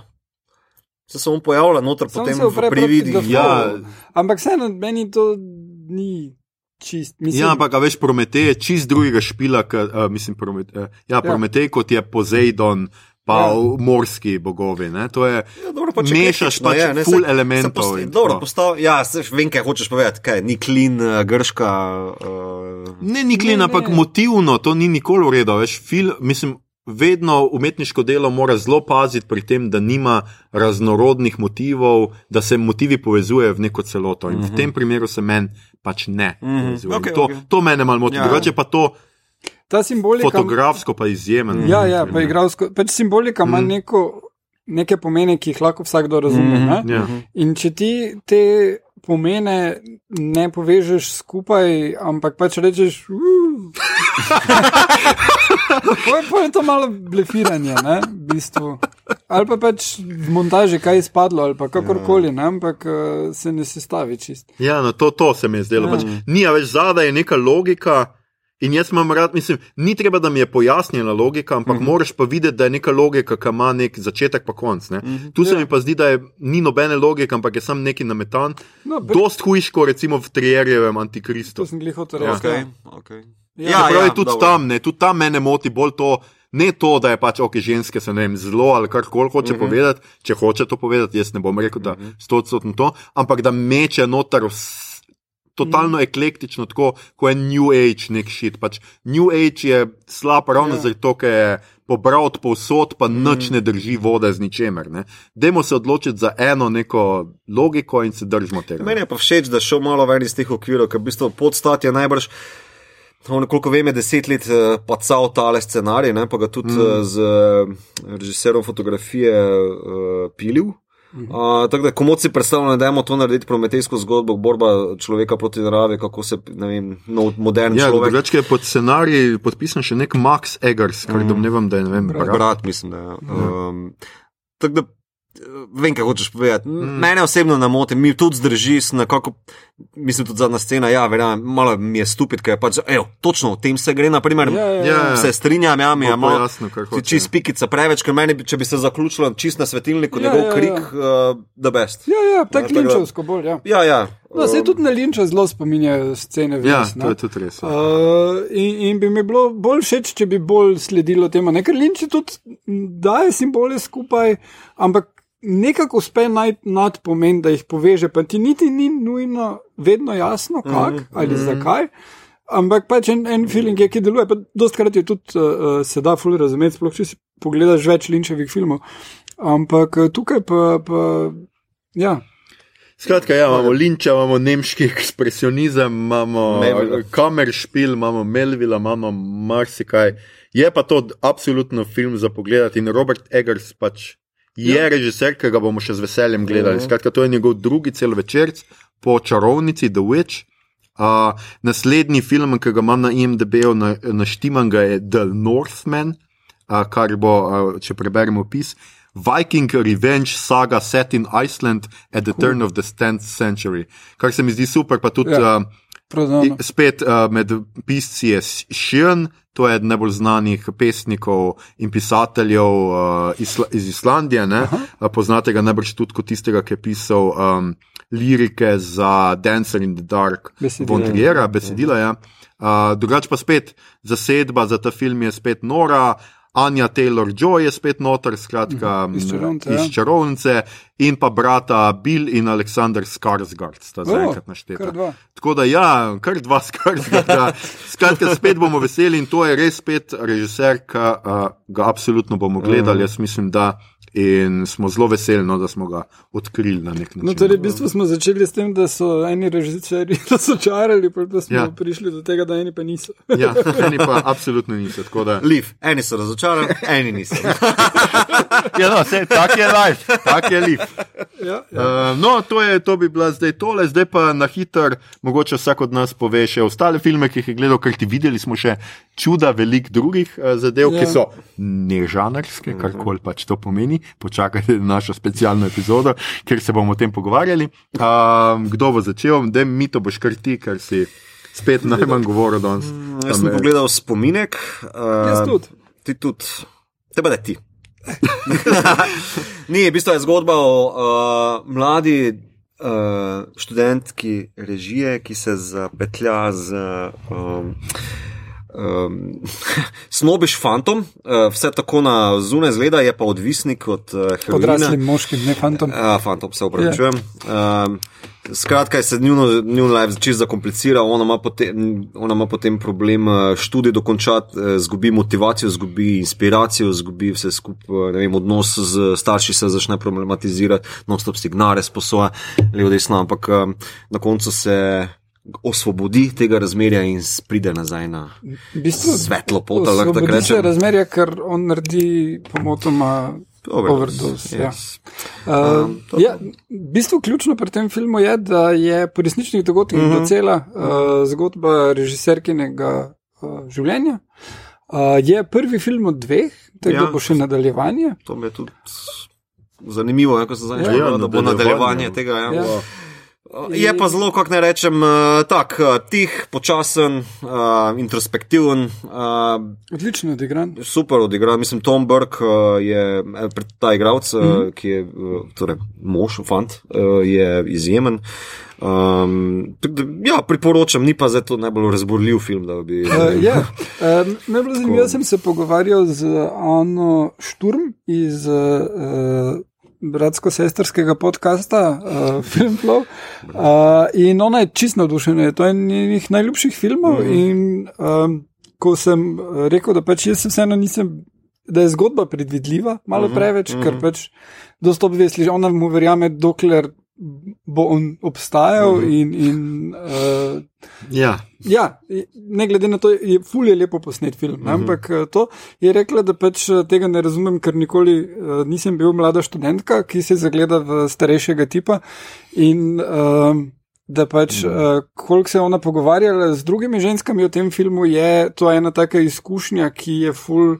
Uh, pač kaj je univerzalno za mlade. dost študentke. pogosta pri ženskah. Uh, Čak, ampak zdaj ne razumem, da se zaljubijo v odvisnika. ali Ne, v starejšega je tipa, ki je iz, mislim, ni nujno, da je starejši, ja. ampak nekdo, ki ga vzame kot da nekoga, ki več ve. In Aha, okej. uh, on pa To- zlorablja to to, razumem in- razmerje. Ja, ja, to eh, lahko razumem in da je verjetno res pogosteje kot pri okay. fantih. Ker Ja. Meni se je zdel point filma. mm, Dobro, ja, to razmerje, ki njo požira, hkrati pa ona zgubi kao, prav volo do življenja, do, se, do, same, do samih uh, ambicij, pa idej, ki jih je Ja. imela, veš, kao, jih potisne vse ob stran, samo da je z njemu, Ja. uh, da mu sledi, on, on, je, on je okrade, pizda. No, Evropa je na eni točki. Ja. Ne. Pa, pa še kar naprej v štangu drži bolje. Če je to izkušnja, uh, Ja, ne mislim, da, da mogoče. Na, ja, si mislim, da mogoče na nekem drugem nivoju. Zdaj pač mi trije smo trije tipi, ki niso imeli takih izkušenj in niso tega počeli, tudi ne ženskam. Uh, kaj pa ti veš o meni? okay. Zabavam se, jok, jok. No, ja, o, me, o meni je očitno dovolj. Tako da mislim, da tega pač uh, mogoče zaradi tega ne, ne, ne štekamo na tej točki. Mm. Dejstvo pa, da, da, je, uh, da temelji na osebnih izkušnjah, mm. pa mislim, da uh, film naredi toliko bolj uh, avtentičen Okej. in, in Dobro, prepričljiv. ne bi zaradi jaz sem pet filmov pogledal, ne vem, za, Ja, za, ja, ja, ja. Pogledal sem še mleko, glih včeraj sem ga pogledal. Um, je pa lušna zgodba o. Uh, Ženska, ki izgubi moža, ostane sama na kmetiji, kjer eh, prideluje mleko in se bori proti velikemu monopolu.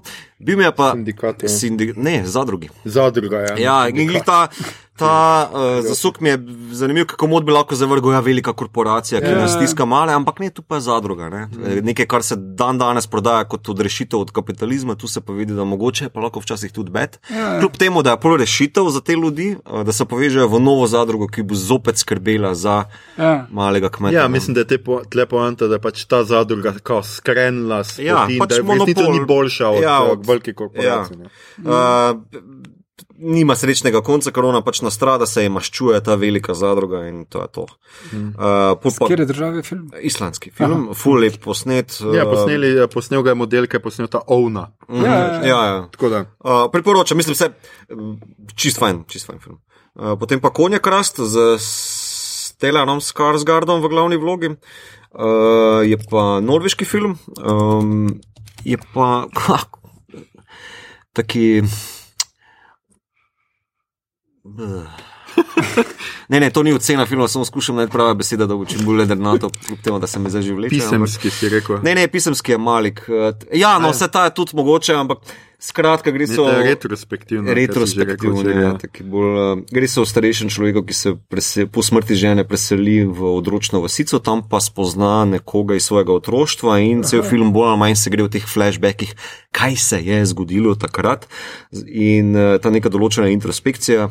Eh, Ki se temu človeku potem dogaja, je, a živi nekdo drug moje življenje, ker njega je oče zapustil, ni se vrnil nazaj k družini, in bolj ali manj se ti flashbacki vrtijo okrog tistega zadnjega poletja z očetom. Uh -huh. Malo se poveže tudi z neko naci sceno, ki jo je Nor- Norveška imela, ampak to je zgolj za kontekst. Uh -huh. uh, je bolj ta nek, ko, ne vem, skoraj da film ali pa roman o odraščanju, ne, torej, uh, Mm. um, kako se ta fantek preko izgube očeta prelevi v moškega in kaj mu danes dogaja. Evo, to. No, tudi Ja, je, seveda, po romanu, ne, Pera mm. Petersona. Ja, in je imamo zelo... tudi v slovenščini, je večkrat bil že za, mislim, da celo za maturo, tako mm. da ga pač. Se mlajši zelo, zelo literaren je, ni mm. tak, kako rečem, cinefilski mm. uh, izdelek, ampak je zelo literaren z ogromno teh flashbackov, pa voiceoverjev. Ampak dela.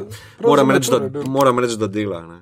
Um, potem pa Malik, skrito življenje, ta je bil stvo od vseh, ki sem jih pogledal, najlepši.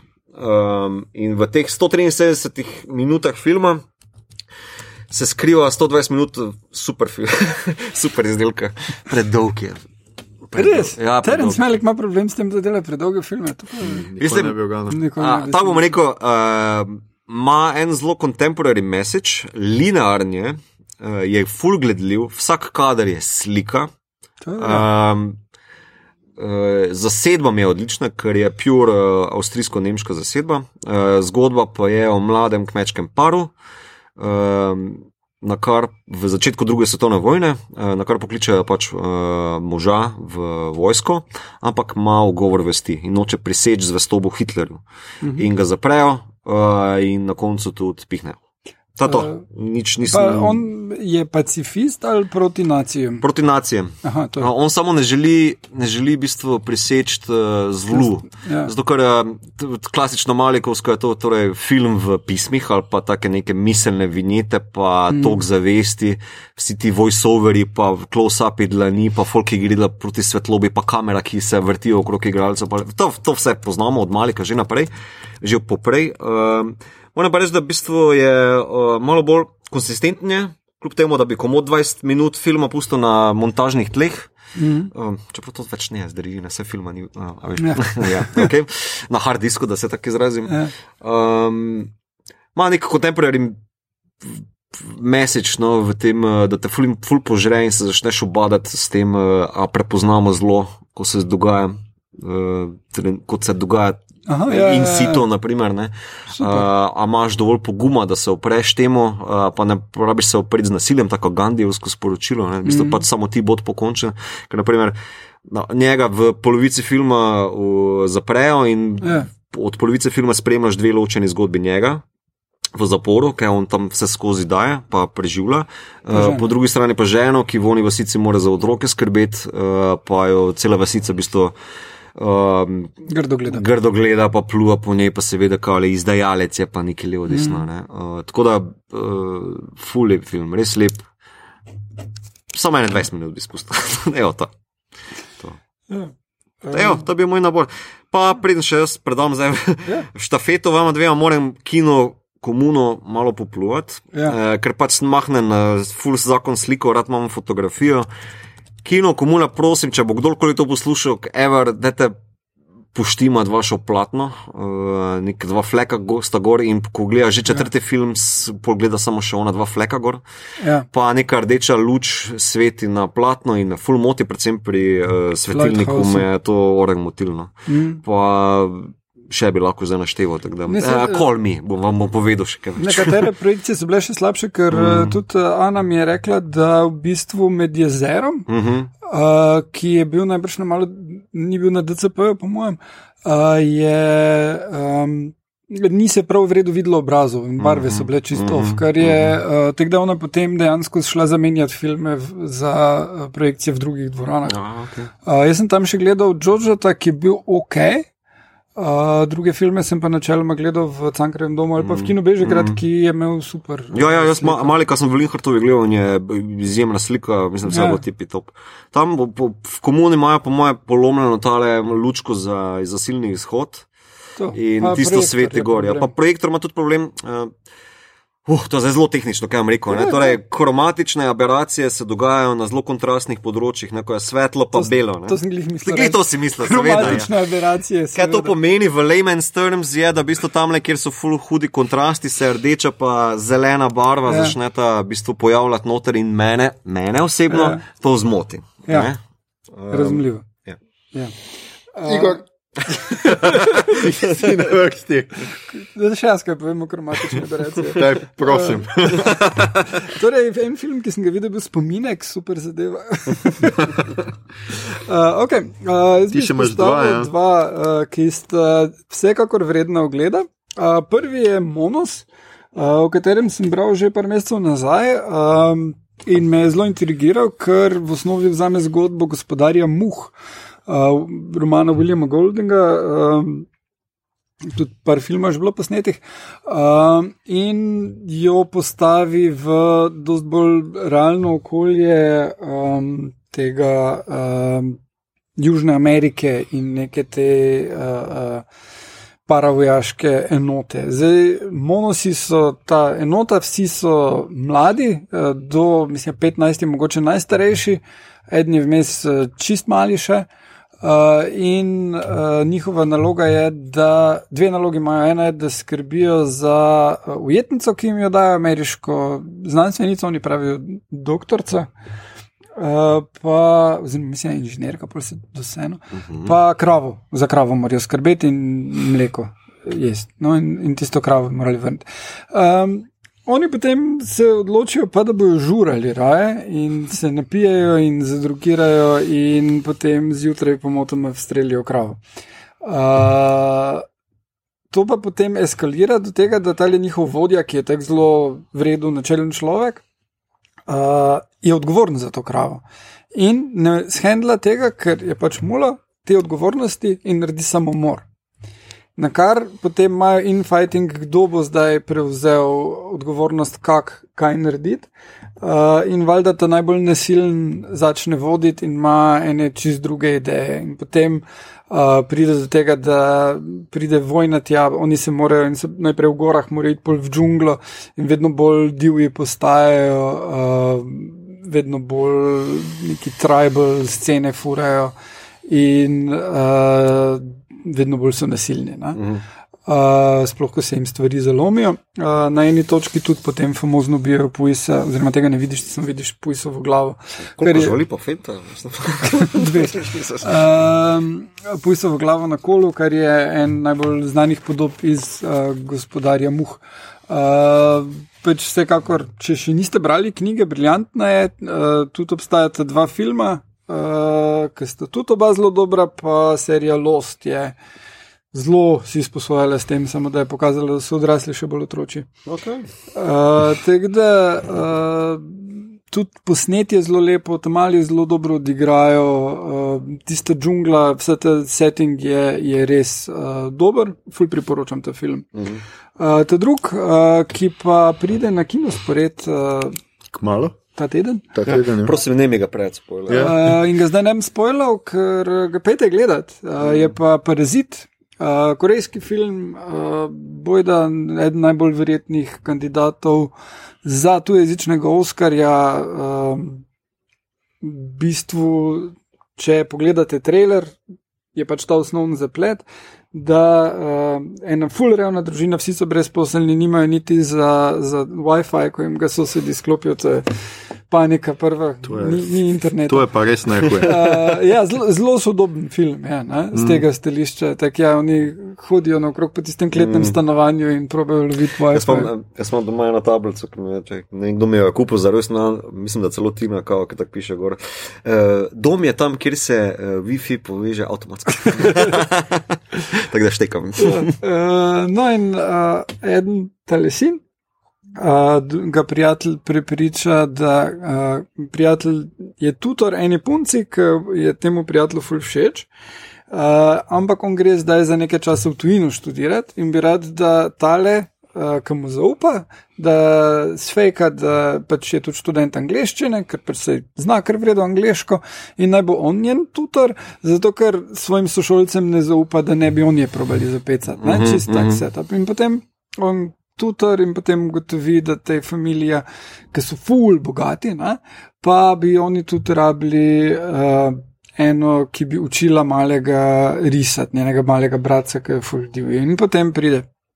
Priporoči eno, ki jo pozna, ki je pač njegova sestra, in potem še tudi starša s časoma pridete v igro. In uh, pač naslov je parazit, ki pa je tukaj znotraj tega več pomenov, in noben od njih ni medicinski. Uh, Še dobro. ja, uh, in zgodba se potem stopnjuje v smeri, ki jih ne.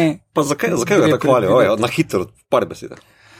Mislim, zakaj je tako. V bistvu je problem, če preveč povem, bi spojil, kdo, Ja, yeah, kak mogoče- plan je in to. Je tako govori o kontemporarnih zadevah? Ja, kaj, uh, ful ima zapovedati mm Mhm. -hmm. o odnosu med družbenimi sloji, mm -hmm. o tem, kaj je problem mm -hmm. uh, v teh odnosih, o tem, kaj je problem pri uh, ljudeh, da uh, se odločijo uh, nekaj narediti glede tega, ko je čisto prepozno. Uh, in take stvari. Ne. Zelo zanimivi onaki. Uh, Imáš malo navezav na tatiče, Aha. uh, lanske mogoče, uh, ampak v bistvu. Navezave so to, da govorijo o družini Mhm. uh, iz nekega družbenega dna, ampak to, kako oni, uh, odnos njihov do družbe je povsem drugačen. Mhm. No? In tudi odnos znotraj družine je malo drugačen, ni čist. ne. Uh, No, cool. Odnos družbe do njih je pa čist drug kot Mhm. pri tatičih, in, in tudi uh, to, kako se film razplete, je nekaj čist drugega no? Okay. uh, in, in krasnega. No? No, take obnove sem. Uh, je pa tako, da za razliko od hudiča, um, uh, gangstera, policista hudiča, tukaj uh, tele elementi, korejski, uh Mhm. -huh. tipični, pridejo s časoma na plan in so krasni. Okay. No, skratka, jaz sem še pogledal dva zelo na hitro, ker sem veliko govoril danes, pa ne več preveč, um, pa še moram avtor izpeljati. Um, gledal sem o neskončnosti Roja Andersona, Andersona Omdet Undliga. Uh, Roja, Oh, kako se potrudi, veš. Uh, Roy Andersona najbrž poznate po um, njegovi, um, kako že je on to imenoval, trilogiji, kako je biti človek. Uh, o tem, kako je biti človek, eh, v katero spadajo pesmi iz drugega nadstropja. To je prvi film, ki sem ga videl in eh, zaradi katerega sem pač zljubil Andersona, pa ti, ki živiš, du, eh, Dulevande in pa seveda zadnji eh, golob je sedel na veji in razmišljal o življenju, ampak tudi o neskončnosti nekako čist pada noter. Skratka, gre za posamezne kadre. Roy Anderson ima tako, da je postavitev kader, potem pa se v njem zelo tako slikarsko, so liki razporejeni in se take enodejanke uh, dejansko v smislu življenja, o tem, kako je biti človek, tle pač o neskončnosti iz nekega razloga naslova, ampak v resnici noben. Mislim, ne vem, če mi zna kdo pojasniti, aj, aj, pač, kaj je poanta tega naslova. In so tako zelo od humornih do tragičnih, do absurdnih, o enem župniku, ki je izgubil vero, pa hoče na vsak način pač govoriti z psihiatrom, ki mu je pa že cajt potekel pač in mu pač reče, da nima več, da on mora iti domov in tako. Uh, in je pač tako zelo netipičen film, tako da to morate res gledati ljudje, ki imate full radi film, pa ki ste bolj imate poetičen film radi uh, tako, ali pa filozofski film, bom rekel celo. Uh, Meni se je dopadlo, no, moram pa reči, da pač mal mi je tudi tako zmeraj ista pač fora, no, tako se mi zdi, da mal je bi bilo pa mogoče tudi lahko drugega. Počasno. Ampak mi je bil filozofski. Uh, ja, mi je bil, ne, zelo mi je bil všeč film, ampak tako se mi zdi, da se že mal ponavljajo te stvari, mm -hmm. no, pri Roy Andersenu v resnici. Potem sem pa gledal, seveda, medtem ko vas ni bilo, mm. uh, skratka, Sorry, we missed you, Kena Lovča, ki je pa pač, če poznate Kena Lovča in veste, da je socialist, uh, socialni realist, uh, boste dobili točno to. Skratka, uh, zgodbo o familiji, uh, familiji Turnerjev, kjer mama dela kot negovalka in dela od pol osmih zjutraj do devetih zvečer, hodi pač uh. po domovih in obiskuje pač te starejše ljudi, nepremične uh, in tako naprej, in skrbi za nje.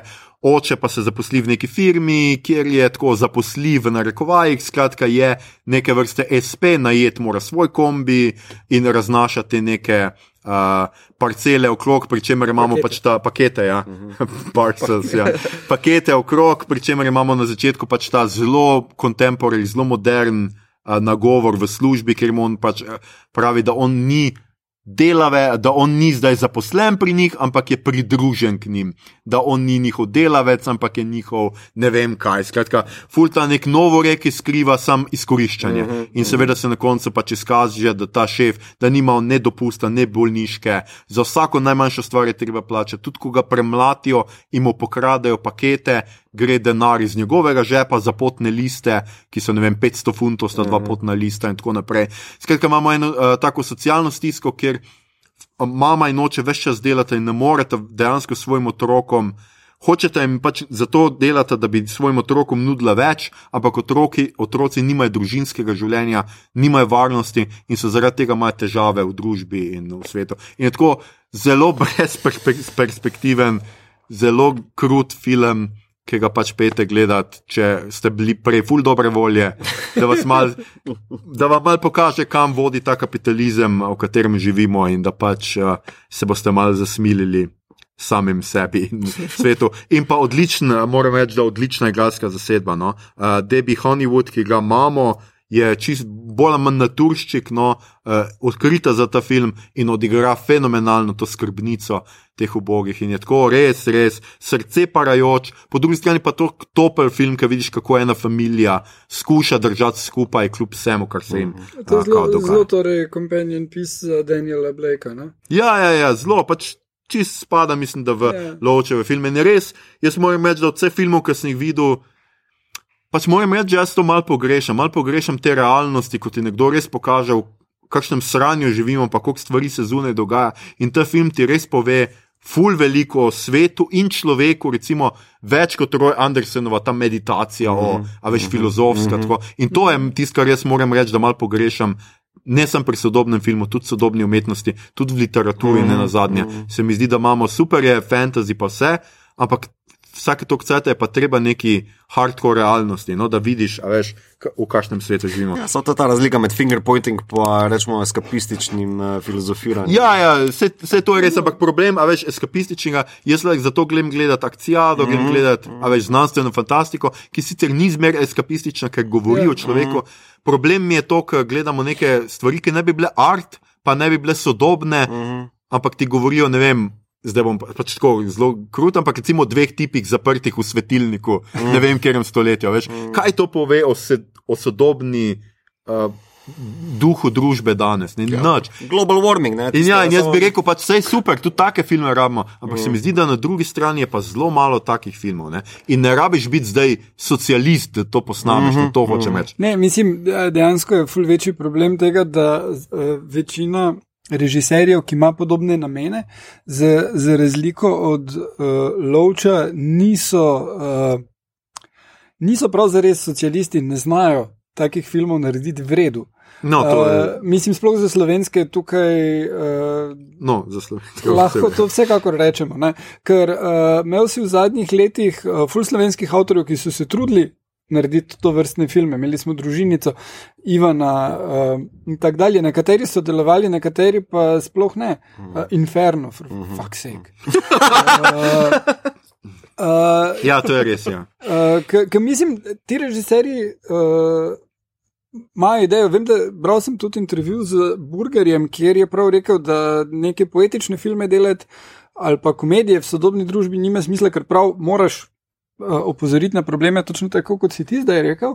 In potem je naredil Ivana, ki je zelo v redu, ne? ampak uh, uh, vseeno mislim, da, da uh, tudi če se delajo taki, film, taki filmi, je takih avtorjev kot je Ken Loach, uh, Malo je. vseeno no, malo. to, je, ne. to je res. Ampak recimo tudi Joker, mislim, da je letos zelo prinesel to. So nek socialni realizem, no bomo temu zasilno imenovali, ampak nekaj, kar umešča v to družbo danes. No, parazit bi jaz rekel. No, očitno to Ja, se res. se da najti mestno. Se to je v bistvu razkol med larpularizmom in družbeno angažiranjem. Ja, filmov, ja. ne, tako da, ja. No, skratka, uh, zdaj smo šli čez, po čez uh, lift, ful smo že dolgi, tako da, Ne, šele ura 3 četrt. tako da zdajmo zelo na hitro, pač kaj gledamo, beremo, Ja. poslušamo, pri čemer bom jaz kar izločil tri serije takoj. Uh -huh. In sicer Watchmen so super, gledajte, His Dark Materials so zdaj že boljši, gledajte, Mandalorian je super, gledajte. Vs- v- O vsem tem bomo govorili, govorili v posameznih epizodah, Mandalorian v Božičniku bomo gledali Star Wars. Ne bo še čisto konec takrat, ne mislim, Ne. da je, da še En bo del en del še pol. ja. Mhm. Take En del nam bo away zmanjkal. Bomo preživeli tudi to, ampak His Dark Materials in Watchmen pa sledijo takoj po novem letu, tako da o tem boste poslušali takrat. Zdaj Že pa ne, imamo potrjenega gosta. tako je. Zdaj pa dajmo uh, dalje, kaj ste še pogledali. Jaz, jaz nisem nič uh, novega posebnega, tako da. Evo, jaz sem pogledal hitro. The End of the Fucking World, ker sem zdaj že omenil mm. drugo sezono, super je, the best posneto. Um, tudi nek taki zadovoljiv konec ima, uh, glede na prvo sezono, ki je malo tako uh, v luftu mi bila. Edina kritika, ki jo imam tukaj, je, da je toliko muske noter za filere, uh, ja, zelo močno. In, ja, ja, me zmoti, zmoti me. Soundtrack je super, ampak um, če ti to paše, the best, boš z- odkril full nove muske. Uh, zdi se mi pa pač, da bi komod lahko dva dela spustili, pa bilo manj muske. Ja, Evo, ja. to, drugače pa the best. Ta mala dva sta izjemna No, igralca. super. Skratka, poglejte še ena priporočila. Uh, Igor, ti si gledal pogledal sem- čuda vsega Ne, o gledal Belifu. sem vojne svetov, uh, ampak samo ene, ta druge še nisem. Aha, okay. Uh, Tale, ki je Jaz na ne, ja. Foxu, uh, sem jo pogledal do konca in uh, moram reči, da sem malo razočaran s koncem, ker prideš do tega, da uh, ja, to je bila prva sezona, si vidimo, če bomo zbrali denar za drugo, pa bomo mogoče povedali kaj več o teh alienih, zdaj pa. Tu je en šoker na koncu in čau. okej. Kar je malo Dobro. čip iz, izhod in enih par stvari na koncu malo uh, zjebejo. Um, ampak je, je zanimiv koncept, uh, nima nič skoraj skupnega z romanom, razen tega, da pridejo alieni pa, uh, pa pobijajo ljudi. Ampak je tako, da oni, ko pridejo, cap so že pobili večino prebivalstva. Uh, Skratka, in na koncu jih mogoče ne bojo pobile bakterije. Um, to pa ne vem. Uh, Aha, okej. V bistvu je tako, da prva sezona, ki se konča, vidiš ta prvega aliena, pravzaprav, mm. ker predtem vidiš samo tiste pse, ki hodijo naokrog, pobijajo in zbirajo DNA. Uh -huh. uh, in uh, ti ni jasno, kaj je njihov plan uh, ali karkoli. Uh, zdaj pa bomo morali počakati mogoče eno leto ali pa nikoli izvedli, kaj je dalje. To mi je malo lem. Mm. Bom pa pogledal še uh, tole BBC-jevo, pa če mi bo všeč, bom še vajo prisilo, pa bomo imeli epizodo o vojni svetov. ne, bo- Ja. Mislim, jaz si bil gotov, jo bom gledal prvi, prvi del, je že zu, mislim, zunaj. Ne, vsi trije so že. A so že vsi Ja, trije zunaj? niso Nisem. še pri nas na televizijskih uh, postajah. Čakaj, ena je na BBC-ju, druga pa Fox. Fox. ok. Tale Foxove, mislim, obe sta fertik, uh, s tem, da Foxova je bila predvajana pri nas, BBC-jeva pa še ne. Torej, Miki Miška, BBC. Uh, ne, to ni Miki Miška, to je Fox. A ja, se ki opravičujem, Ni ja, Miki Miška. Ja. Ta drug Fox. Um, dobro, Good Place je na polovici druge uh, uh, ne, zadnje sezone, par delov do konca, zdaj imajo pauzo, januarja bojo fertik. Uh, mislim, da je to mi trenutno še vedno najljubša TV serija. Watchmen so kul, cool, ampak uh, po, po toliko sezonah tega so mi ti liki res kul. Cool. Uh, zdaj Good Place je naredil uh, Michael Schur, ki je tudi Brooklyn Nine-Nine, pa Office, pa Parks and Rec naredil, tako da če vam je karkoli od tega bilo približno všeč, Good Place je še boljš. Uh, okay. Dogaja se v Afterlife. Meni ni bil to všeč, jaz moram priznati, da sem pogledal tri ali štiri dele, pa me ni prijelo. Res? Ja, zdelo se mi je precej boring. Ja, Afterlife. Ja. No, sploh se mi zdi Afterlife zelo boring. če ni pekel. priznam. No, skratka, glej, ja. Ne vem, spojla. Ja, no, gledajte, ja. če je Igor, pa boste se sami odločili, ste Ja. tim Igor ali tim Aljoš. Uh, in pogledal sem Frozen 2. Kino, zdaj, jej. Uh, v bistvu, uh, lušno, če imate malo otroke, pelte jih gledati, všeč jim bo, uh, fulje vredu glasba. Uh, posebej inspired je moment not, ki poje uh, Krištof, ki ga v originalu vojsa tale iz uh, Mindhunterja. Uh, in je celo narejeno tako, da je 90s dalmatinski video spot, tako drevo nazaj naslonjen in padli. V glavnem sklopu risanke je ful smešno, pa imaš one scene kot Queeni od zadaj, ko se pojavijo, mm -hmm. reindeeri, ki pojejo. Mislim, jaz sem film dvakrat gledal, tako sem se režal vsakič poleg, da so me otroci zelo trudno gledali, ampak je worth it. Um, Otrok 90-ih udari spet.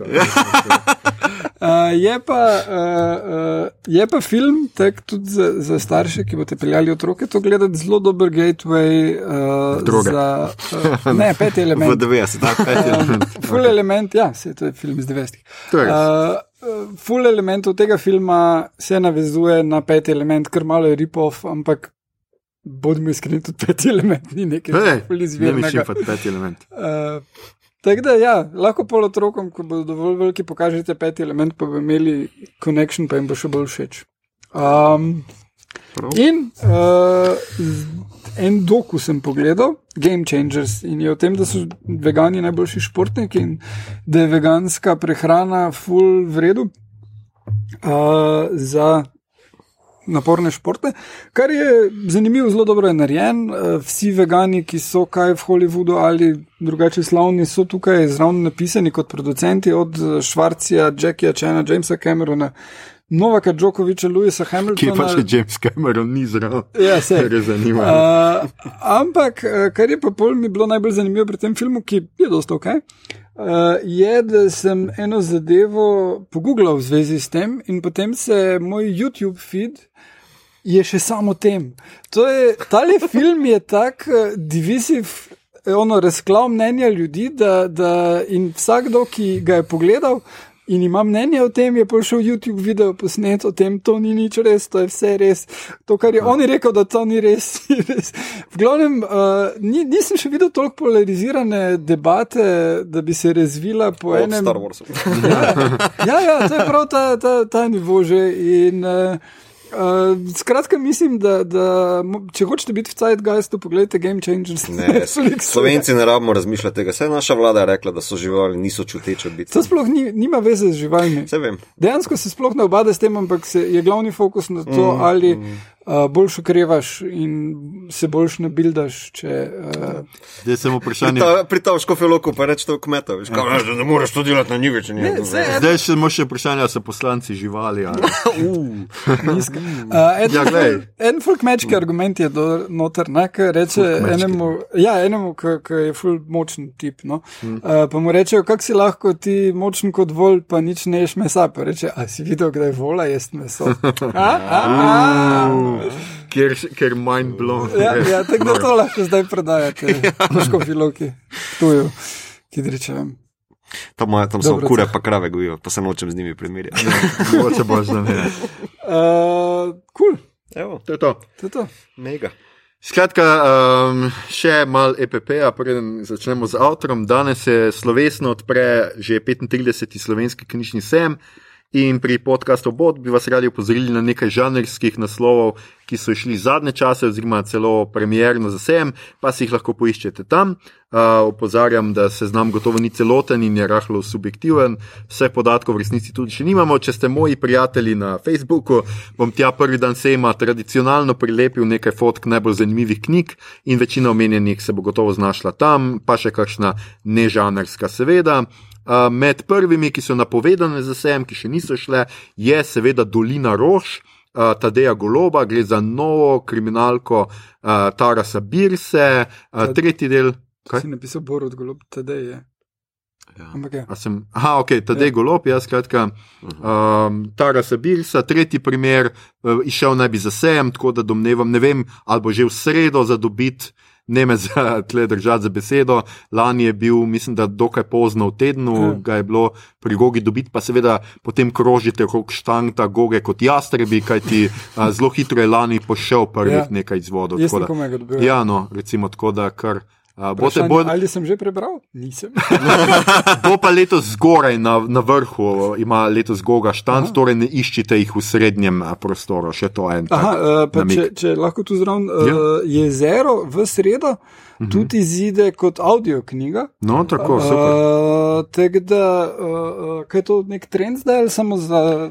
Posta, postaja trend, kajti v tujini audio knjige vem, vedno tujini, več pokrivajo. Zato tudi se Slovenija skuša temu. A, ampak A, lahko pričakujemo približati. to, kaj tri knjige na leto ali kaj več. Trenutno je to zelo veliki produkcijski stroški, tako da bomo mogli videti. Vse pa neki, vse založbe trenutno del, delajo v smeri audio knjig, koliko ok. okay. vem. No. Naj bi se vzpostavila neka platforma, tako da stej uh, ostanite uglašeni. Um, naslednja knjiga, ki jo bomo seveda mi ve veselo promovirali, čeprav mogoče tokrat ne tako osebno, je seveda Mesija z peščenega planeta, nadaljevanje peščenega planeta. Tokrat ga ni prevedel eh, naš najljubši prevajalec Igor, ampak Matjaš Juričak. Uh, seveda gre za nadaljevanje Duna. Urednik prve knjige. Urednik prve knjige, no, skratka. In pri založbi Sanje je šla tako, kot bo išla, no, tako kot prva, in tudi ta je napovedana prav za sejem, tako da ja. Ja. naj bi prišla še ta teden. Potem so, um, ostanemo pri založbi Sanje, zbrane zgodbe Kurta Voneguta, mlajšega, druga knjiga. Med, Kurt je znan po tem, da ima veliko, mislim, Kurt Vonegut, da ga ne bom klical, kot da smo prijatelja. Je znan po tem, da je seveda veliko, ima eh, žanrskih elementov, največ znanstveno-fantastičnih. Tako da tudi Ja. ta knjiga je spet napovedana za sejem. Uh, ja, in ta, ta prva zbirka kratkih zgodb ni imela teh znanstveno-fantastičnih, mm. te so šele v drugi. Aha, no, Ja. vidiš, no, tako. uh, ki so razdeljene po sklopih, uh, ne po kronološko. In uh, čist na koncu knjige je uh, tale uh, sci-fi del, uh, ki je meni zelo všeč. Mislim, jaz sem. Uh, jaz sem bil na izmenjavi v srednji šoli v ZDA in na prvi, uh, najprej smo delali Dune, potem pa smo delali Vonegute, tako da uh, mislim, da je to imelo kar vpliv na me, na to, da so mi take stvari uh, dosti všeč. Uh, in delali smo eno od kratkih zgodb, ki je tu not in je um, res vredno. je, No, No, skratka, spet ostanemo še pri sanjah. Uh, Kristel Dabos in njena zrcalka dve naj bi tudi šla še na. Ja. To je pač um, taka fantasy, Fantasy. fantasy saga. Uh, če ste enko brali, pač pejte si iskat še dvojko, to, so, to je bila, kar ima založba Sanje, pol še bomo eno omenili na koncu. Um, mladinska knjiga je se tudi potrudila in nekatere knjige bodo, so zdaj že išle, ampak bodo v resnici zunaj za sejem. Med njimi je seveda nova kriminalka, že 12. primer Harryja Hola, se pravi Jo Nezbo in njegov nož, najnovejša kriminalka. Ja, po novem te eh, Nezba izdaja mladinska knjiga. Potem je išla Ogen in kri Georgea R. R. Martina. Skratka, gre še za eno zgodovino, ne, ne gre za nadaljevanje igre prestolov, pač ne orgazmirati, počakajte. Gre za zgodovino Targaryenov, kar pa če boste zdaj to knjigo kupili in jo prebrali, boste pripravljeni na spin-off, ki bo po zgodovini tem. Targaryenov. Ja, Ja. Dajte si Čakaj. to iskal, pa prevedo je Sergej, hvala tokrat, ne, ne pižama, sneti.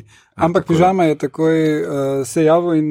Seveda, požegnal seveda, in tudi je je bilo sodeloval z snetjem, tako da je bo vse pravoverno in vse.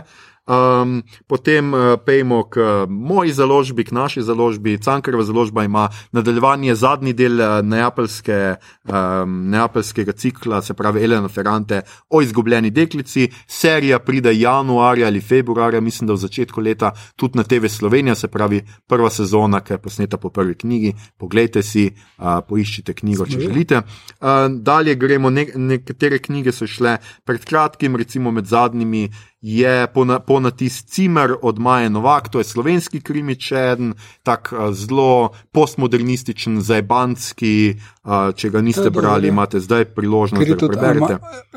Cel uh, point, da je Cimer anagram od krajm. Tako je. je Uh, potem gremo dalje. Uh, še ena kriminalka, ki sem jo našel, zdaj je pred kratkim išla, je Mesarjeva, Mandragora, Michaela Dora. Mandragora? Mandragora je ta. Uh, uh, ja, bajslovna, bajslovna rastlina, A. ki naj bi bila celo na pol žival, kriči, ko jo potegneš. Torej. Ja, mangrove. Ja.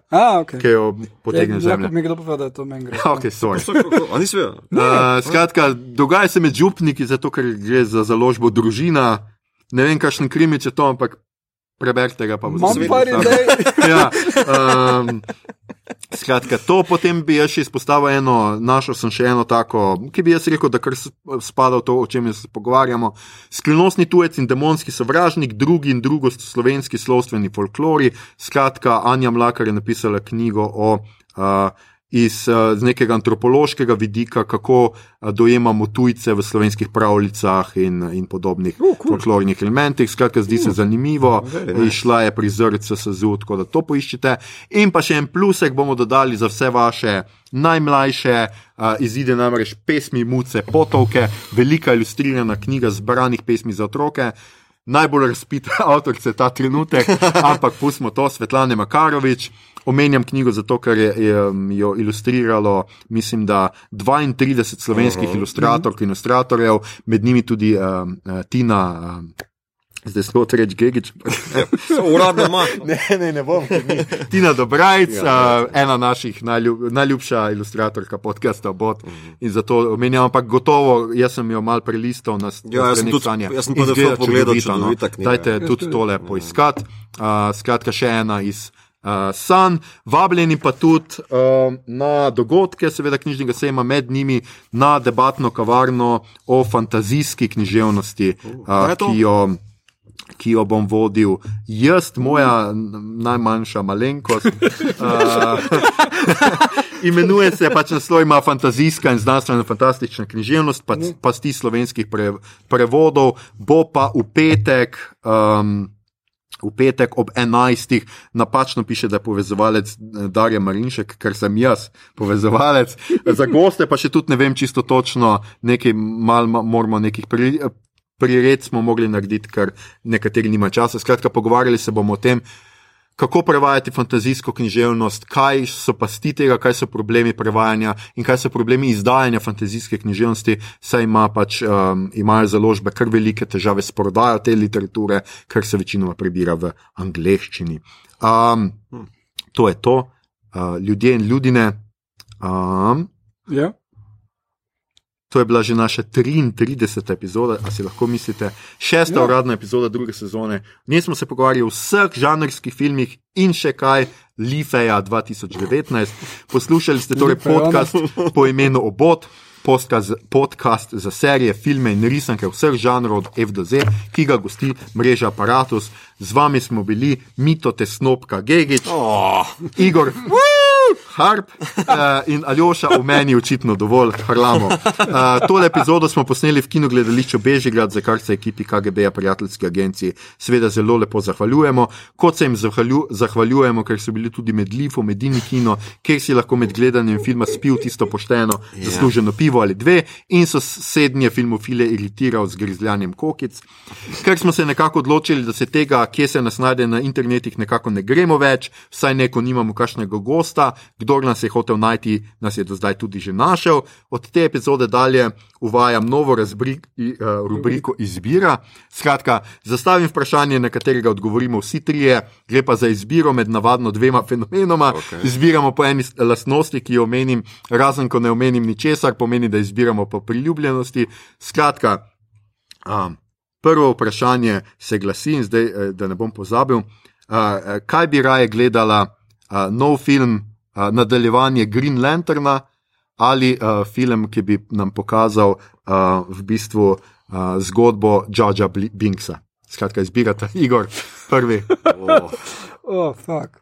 Um, ja, mislim, da Green Lantern, ampak eden od svojih igralcev naj prevzame režijo, pa uh, glavni igralec scenarij. Torej, Tajka Waititi je bil v tem filmu. Aha, no. Mislim, da ga je še zdaj malo sram, pa nikoli ne omeni tega. ampak uh, ja, Ryan Reynolds je dokazal, da če ima kreativ input pri superhero zadevah, ima kaj zapovedati, pa Tajka Waititi je dokazal, da je car tega. Ja. A, ti misliš, da, tudi, da je to film, ki bi ga Tajka celo lahko rešil, da ima on te super moči. ja, gledaj, mislim, s tem filmom je bilo precej stvari na robe, ampak predvsem vizualna, v prvi vrsti pa vizualna podoba. Uh, mislim, to, ta odločitev, da bo CGI uh, armor je. Mene pa to ni motilo, pač zgodba mi je bila. Skratka, mi to, kaj pa ti? Uh, Mister, so glad to see you.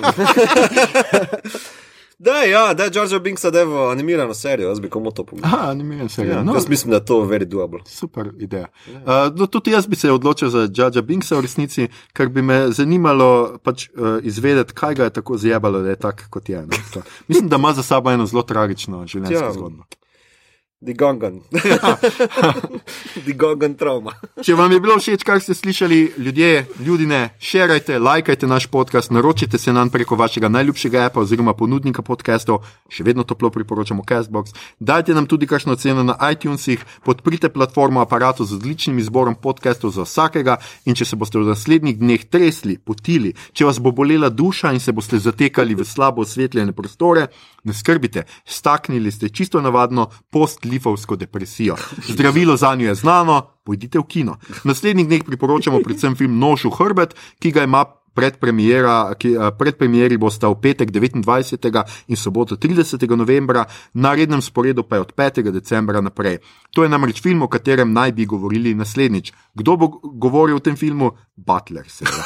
Um, na Twitterju nas najdete kot adpodcastobot, na Facebooku smo podcast s KM, obot brez pikic mest, tako je tudi na Instagramu. Tam delimo rajcere, prikolice, druge zanimivosti, po novem novičnik, tja lahko usmerjate vprašanja, pripombe, komentarje, eseje o neskončnosti, pritožbe, predloge, kaj bi za vas pogledali naslednjič. Sicer pa se slišimo spet kmalo, čez dva tedna, natančneje 10. decembra. O čem bomo govorili, takrat ste že slišali, če si do takrat seveda ne premislimo. Tudi naše načrte za naprej poznate, 24.12. božična specialka, ki jo bomo posvetili medzvezdnim vojnam in seriji Mandalorian, ki do takrat sicer še ne bo posem konec, kot smo slišali. 31.12. eh, na Silvestrovo novoletna specialka s pregledom najboljših filmov in serij leta 2019, s tremi gostjami, katerih identitete še ne bomo razkrili ta trenutek. Takoj zatem, predvidoma 7.1., pa bo zunaj dvojna epizoda posvečena serijama Gledalci in njegova temna tvar, tudi ta z skrivnostnim gostom. Skratka, zacahnite si koledarje, prižgite lučke na slušalkah. Tole je bila 33. epizoda Polifu Life, obodovke in obodovci, vidimo se kaj na knjižnem sejmu ali v kinu ali v življenju. Hvala.